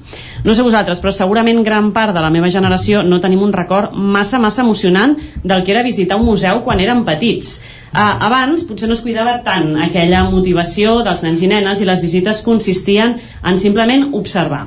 Per molts, el Museu de la Ciència, on podies remenar i tocar quasi tot el que trobaves, ja va ser tota una revelació. Però les coses han canviat, i en especial la tendència educativa ha pres consciència sobre com és important que els nens i nenes se sentin atrets per allò que veuen a través de l'experimentació i la interactuació. Així que avui volem parlar d'això, d'infants i de museus, de com s'ho fan, de com aconseguir que els més menuts s'interessin per l'art, per la història, per l'arquitectura. En definitiva, volem parlar d'aquesta nova era, on el repte és contagiar-los la passió per aquests grans temes. I per parlar de tot això, avui tenim amb nosaltres a la Teresa Blanc, que ja ens ha visitat alguna altra vegada. Ella és directora del Museu Arxiu Tomàs Balvell de Cardedeu. Bon dia, Teresa. Bon dia. I per altra banda tenim també a la Marta Núñez, que ja, ella és tècnica també del Museu de Cardedeu. Bon dia, Marta. Hola, bon dia. Uh, Som-hi, doncs, si us sembla, m'agradaria començar a tenir una miqueta més d'informació sobre aquesta, aquesta nova app o aquest joc que s'estrena aquest cap de setmana i que va bastant adreçat a famílies. Suposo que també heu pensat en el tema Covid a l'hora de plantejar aquest lloc, que, que si, ja, bueno, si ja teníeu una tasca difícil, ara s'ha complicat una miqueta més. Expliqueu-nos una miqueta de què va aquest joc. A veure, mira, en principi el, la nostra, el nostre objectiu o la nostra idea va ser de quina manera podíem, no?, a la línia de treball que saps que en el museu fem, que és aquesta línia d'una mica empoderar el visitant, o sigui que és un espai on la gent ve a pensar i, aporta la seva part més crítica, per tant les famílies és un dels grups que per nosaltres és més important. Llavors aquestes dues, aquesta app que, que tirarem endavant aquest cap de setmana l'objectiu era com fer descobrir el patrimoni i la nostra història a partir del museu però sortint del museu. Per tant, són dos itineraris que ja eh, nosaltres hem treballat molt. Eh, un seria de patrimoni natural per tant els entorns i l'altre de patrimoni cultural. I la idea era com i de quina manera podíem fer que els infants acompanyats de pares, avis, tiets o amics poguessin amb l'observació anar descobrint per tant és un itinerari guiat entre cometes per una locució però alhora en què cadascú hi afegeix la seva interpretació d'aquell espai, d'aquell lloc, d'aquell element i a més a més eh, pensem que descobrirà llocs o elements que els té vistos de cada dia però mai s'ha fixat no? per tant és una mica com l'objectiu de que sigui un joc en el que hi participi eh, directament l'usuari el, que, el que el fa servir que en aquest cas és les famílies en qui s'ha adreçat més i també els joves val? i eh, com a últim objectiu pel museu és com, de quina manera el museu a part de difondre, donar a conèixer la història i el patrimoni i ajudar-nos a pensar pot ajudar en altres emprenedors que tenim en el territori no? per tant és un projecte que fem conjuntament amb empreses empreses vol dir la Guingueta un espai on hi van moltes famílies a passar la tarda al parc del Pompeu Fabra eh, es Biosfera, que treballa amb temes molt de sostenibilitat, formació, on també moltes famílies coneixen i van, eh, l'antic casino, que ja per si mateix doncs, eh, representa una part de la història de Cardedeu, i un element molt important que també dona joc a que famílies tan grans com petits puguin anar que és l'espai de cerveseria Sant Jordi no? ubicat en un edifici modernista preciós per tant, si et fixes l'objectiu és com doble però sempre eh, dirigit a un públic molt eh, especial que és el familiar on hi ha un diàleg intergeneracional que com molt bé has dit tu mm, per nosaltres és també important perquè ens fem una miqueta a la, a la idea visualment parlant, eh? Jo m'imagino, jo, jo vinc amb la meva família aquest cap de setmana al museu i he, he vist la moguda aquesta. Què haig de fer? Sí, entenc que d'entrada doneu potser uns cascos com quan es fan visites guiades, és a través d'una aplicació de mòbil i cadascú es va amb el seu mòbil? Com funcionaria, Marta, el tema? La idea és que cadascú vagi amb, amb el seu mòbil. A la web tenim una mica ja les, les instruccions perquè ho puguis portar pres. Instruccions d'ús. Instruccions, Mireu-vos-les abans d'anar cap de setmana. És, és molt important descarregar-se abans l'aplicació perquè és molt més fàcil si te la descarregues des de casa on segurament tens el wifi, etc. I llavors hi ha un codi per entrar al joc. Tu un cop has, has descarregat l'aplicació t'hi has registrat com a usuari i llavors has de, has de notar-hi un, un codi que o bé el trobaràs a partir de dissabte al web del museu o que te'l donaran a recepció del museu. Uh -huh. i llavors apuntes a aquest codi i actives l'itinerari que vulguis jugar el personatge de conte o el mas misteriós. En tots dos has de descobrir en un un personatge i a l'altre un, un mas. I llavors segons el que, el que activis faràs l'itinerari pel centre del poble o el d'entorn de, el i a partir d'aquí és començar a jugar és com un joc de pistes on tu per geocoordenades et vas, et vas desplaçant a diferents, a diferents punts i en allà hi una miqueta has de mirar, has d'investigar i has de trobar les solucions que et planteja l'aplicació. Llavors, d'alguna manera, des d'aquesta aplicació anirem trobant, entenc, informació històrica, arquitectònica, però al mateix mm, temps anirem trobant reptes. Exacte, et combina les dues coses. El repte, i n'hi ha alguns que són molt divertits que són amb temps i com si fos un trivial que tens un temps per anar buscant pistes que aquí és on enganxem els nens que aquí no, no he de dir bé, i potser, potser molts adults també no? hem, fet, hem fet un parell de proves una amb adults, la vam fer amb, amb la gent que hi participa de, de la Guingueta de Biosfera, de la cerveseria o de l'antic es van, es va, va, això, ara que no en sent ningú es van picar entre ells o no? Allò, a veure, bueno, anaven una miqueta aviam qui era el primer en no? sí, sí, sí. però també vam fer una prova a la d'entorn natural amb nens, amb famílies. Vam agafar quatre amics amb, amb les criatures i són uns fieres. Són molt bons perquè a la que han après la mecànica han, empre, han après a interpretar un plànol que per ells és un repte o sigui, moltes vegades els nens no saben moure's per geocoordenades però a la que han vist com funciona com han de fer que aquella boleta es vagi movent i arriben al lloc és que ho veuen molt abans que, que nosaltres i s'ho van passar molt bé. No voldria jo trobar-me competint amb, amb cap nen o nena que, vamos... Eh, van guanyar els nens. Mira, que van, podia, van guanyar els imaginar. nens. A, a, a més a més d'aquesta part de, de repte, entenc llavors que, que, clar, queda un coneixement allà, que és la part interessant, no? Teresa. Sí, volia afegir el que diu la Marta, que els nens realment són els cracs de la història però que amb l'experiència que ha comentat que van fer l'altre dia amb els grans aquests, eh, diguéssim, de les, eh, de les empreses o restaurants mm -hmm. que hem comentat eh, eren com nens eren com nens, m'entens? Era allò una mica... Oi, les reaccions i les um, actituds ens reconvertíem tots en una mica actituds d'infants eh? jo crec que ens passa una mica a tots eh, això, vull dir, això fas la partideta els diumenges amb la família i com et posis en modo competitivo ojo, ojo, ojo perquè aquí es posa el tema sèrio sí. eh? I, i després, després anem com donant lliçons als nens saps? I, no, no, oh, som pitjors nosaltres som pitjors. ja m'agradaria veure aquest cap de setmana les famílies com arribaran llavors sí. d'alguna manera entenc doncs que eh, és una aplicació, se pot baixar qualsevol no és necessari que passin pel museu no? o sigui, poden directament sí. el que sí que dir... comença el, el que és l'itinerari de carrer comença a la plaça de Sant Joan uh mhm. -huh. per tant has d'estar a prop del museu per poder començar l'itinerari. Sí, com diu la Marta és així, però com que es pot fer les 24 hores del dia amb els dies i les hores que vulguis, pot ser que tu en aquell moment que la vols començar a fer, el museu està tancat, no?, al públic. Doncs és igual, tu pots començar-ho a fer igual perquè, com deia la Marta, les instruccions les trobes a la web, per tant tu pots fer-ho. Llavors, eh, aquest, de, aquest itinerari que és eh, establint un joc on hi ha una sèrie de, de recompenses, uh -huh eh, els llocs on tu pots anar a adquirir la recompensa és possible que aquell dia o aquella hora que tu ho facis estigui tancat eh? Clar.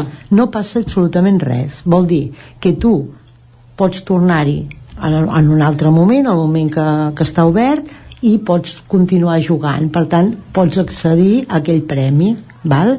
llavors quan s'acaba tota la ruta que tu ja l'has fet i que repeteixo es pot fer a l'hora que vulguis i en més d'un dia si dius estic cansat, mira, faig la meitat avui i torno demà també és possible vale? uh, al final també hi ha l'opció d'un bonus track Uh -huh.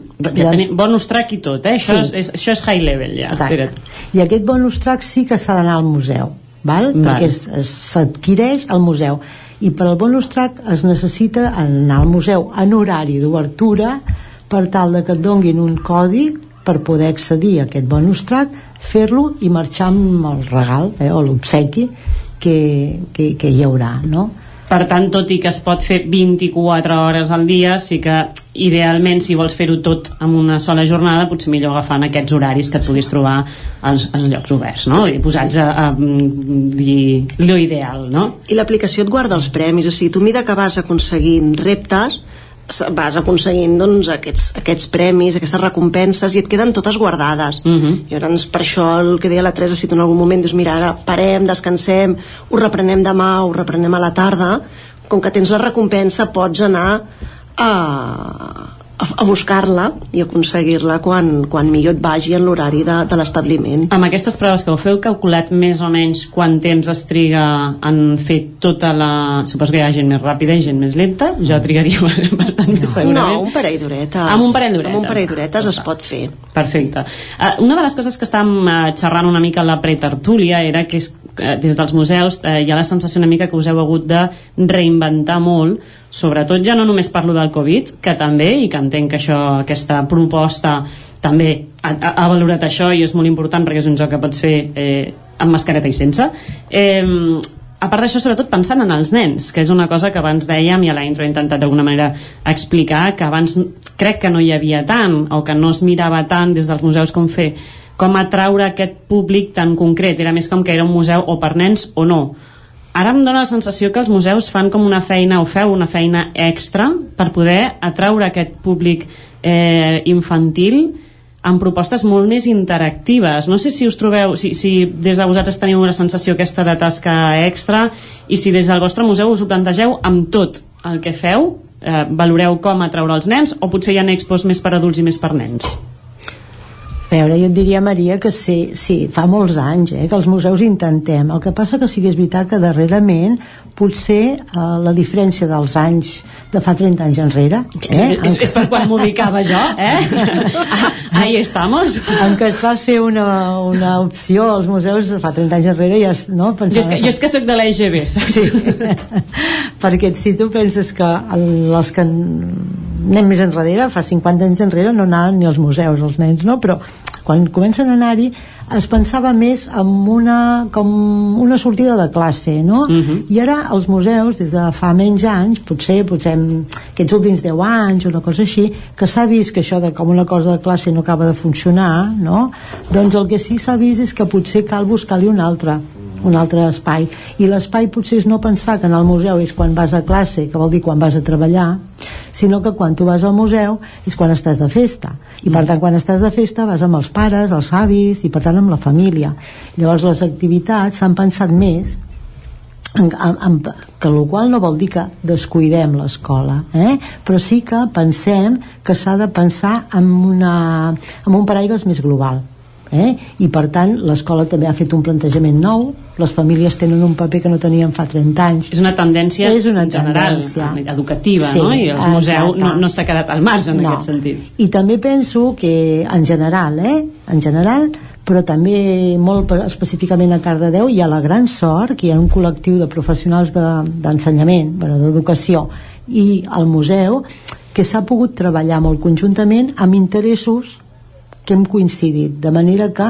i a nivell general, vull dir les, les activitats en aquell moment estan treballant-se des de cultura per entendre'ns, però també museus, servei de museus, però també departament d'educació el, pro, el projecte Argonautes, no? per entendre'ns, vull dir, hi ha tota una línia en la que es vol que les famílies siguin, i per tant que els nens descobreixin i estimin els territoris i els contextos històrics i que el museu sigui un d'aquells elements, aquells recursos que els permet. I sí que hi pensem. Sí. Eh? Aviam, uh, gairebé totes les exposicions, en la mesura del possible, intentem que hi hagin diferents jocs de pistes o propostes perquè quan venen les, les famílies, com deia la Teresa, no tinguin l'opció, si volen, de no només visitar l'exposició, sinó de visitar-la buscant, interpretant i fent conjuntament, que també és molt bonic veure com, com treballen les famílies juntes per, per entendre aquella exposició Uh -huh. i per, i per conèixer el que, el que els estàs explicant, etc. Igual que les activitats que programem. Quan programem activitats de cap de setmana, intentem que d'alguna manera estiguin lligades amb, amb alguna de les exposicions, que el, el punt de partida sigui la farmàcia, sigui l'exposició temporal, sigui l'exposició de Tomàs Balvei col·leccionista, etc. O sigui, comencem sempre aquesta activitat en algun espai del museu que ens embolcalla l'activitat que farem després. I lligant-ho també amb el que deia la, la Teresa, les escoles venen, evidentment les escoles continuen participant de les activitats al museu, cada vegada treballem molt més plegades a l'hora de, de dissenyar les activitats, etc. I el que fem i cada cop més és no es fa la visita magistral que deies tu abans, Mhm. no? de, jo anava al museu, m'explicaven una exposició i ja estava. Si és que tenies la sort de que te l'explicaven. Ara no. Te la trobaves penjada i punto. Sigui, ara sí que, que fem aquestes visites guiades, però són unes visites molt, molt interactives, on gairebé l'alumnat, ja siguin petitons com els d'institut també, ells mateixos van desengranant, tu els dones les pistes perquè ells desengranin l'exposició i el contingut. Ara sempre són unes visites on el diàleg és, és bàsic i, fi, i amb les d'art vigent hem treballat molt en petits tallers o sigui, fas una parada enmig de la visita i fas com una petita activitat manual, plàstica, de cerca, el que sigui però intentant no fer el que deies tu, una visita on jo t'explico, tu m'escoltes i aquí s'ha acabat. Al final la clau entenc que és la, la interactuació, l'experimentació i que eh, jo el que he anat veient des de fora és eh, que d'alguna manera totes les exposicions o pràcticament tot es treballa d'una manera molt transversal, no? El que deies, no només a més en alguns casos hi ha la sort que pot venir la- l'artista sí. i explicar no? I, o, o no sé, jo sé que ho fet per exemple doncs, amb els germans Castells crec que absolutament tots els nens i nenes de Cardedeu tenen claríssim qui, Qui són els són? germans Castells, a què es dediquen eh, han pogut, o potser amb, una, amb algun altre artista, crec que amb els Castells no, però amb un altre, han pogut ells doncs, fer alguna cosa plàstica i realment són, suposo que l'experiència és el que fa que realment s'interioritzin aquests coneixements, no? Mira, és molt bonic quan, quan aquests nanos, sobretot els més petitons, tornen al museu amb la família i veus com són ells els que els hi expliquen, els que els hi pregunten en els avis, en els pares, a les mares mira, mira't això, aquí fan així tu què hi veus? o tu què en penses? i llavors, a vegades, quan veus que venen nens fem això una mica d'espietes sí. i és, és molt bonic veure com dius, ostres, els hi ha arribat d'una manera doncs molt més és com molt més empàtic tot molt més interioritzat. molt jo crec que totes les mares sí. i pares de Cardeu tenim cl- claríssim qui és Joan Brossa, per exemple, ara, és que t'acabes enterant de més coses sí. eh, gràcies a com es fa ara que no com es feia abans. Teresa. Sí, afegint el que diu la Marta, no? El museu, eh, des de fa aquests 10-15 últims anys, un dels reptes que ens hem posat entre cella i cella és el fet de que és un espai de reflexió. És un espai de reflexió. I reflexionar, reflexionem tots. Els petits, els mitjans, els grans, i per tant, tot, tot, tot, com diu la Marta, no es donen mm, explicacions eh, donant, eh, diguéssim, certeses, sinó que el que es donen són informacions, pistes, amb grans interrogants perquè tu pensis. i la teva resposta, la teva actitud eh, davant de, des d'una obra a una explicació mm, no ha d'estar qüestionada, ha de ser lliure i per tant ha de ser el museu aquest espai on tu puguis dir i pensar i segurament coses molt diferents davant d'una mateixa cosa, mateix artista o mateix projecte. És que igual una mica que dèiem que la tendència educativa potser tira una mica per l'experimentació, també tira molt més, eh, crec jo, eh, no tant a imposar criteris, sinó a donar eines perquè sí. cada individu desenvolupi els seus, els seus propis criteris. No? Entenc que, que el que es dona és allò... S'intenta quasi més llançar guspires de, de, perquè, perquè salti tot, no? Allò i perquè tinguin opinió, o sigui, és molt lícit que no els agradi el que estan veient o que sí que els hi agradi.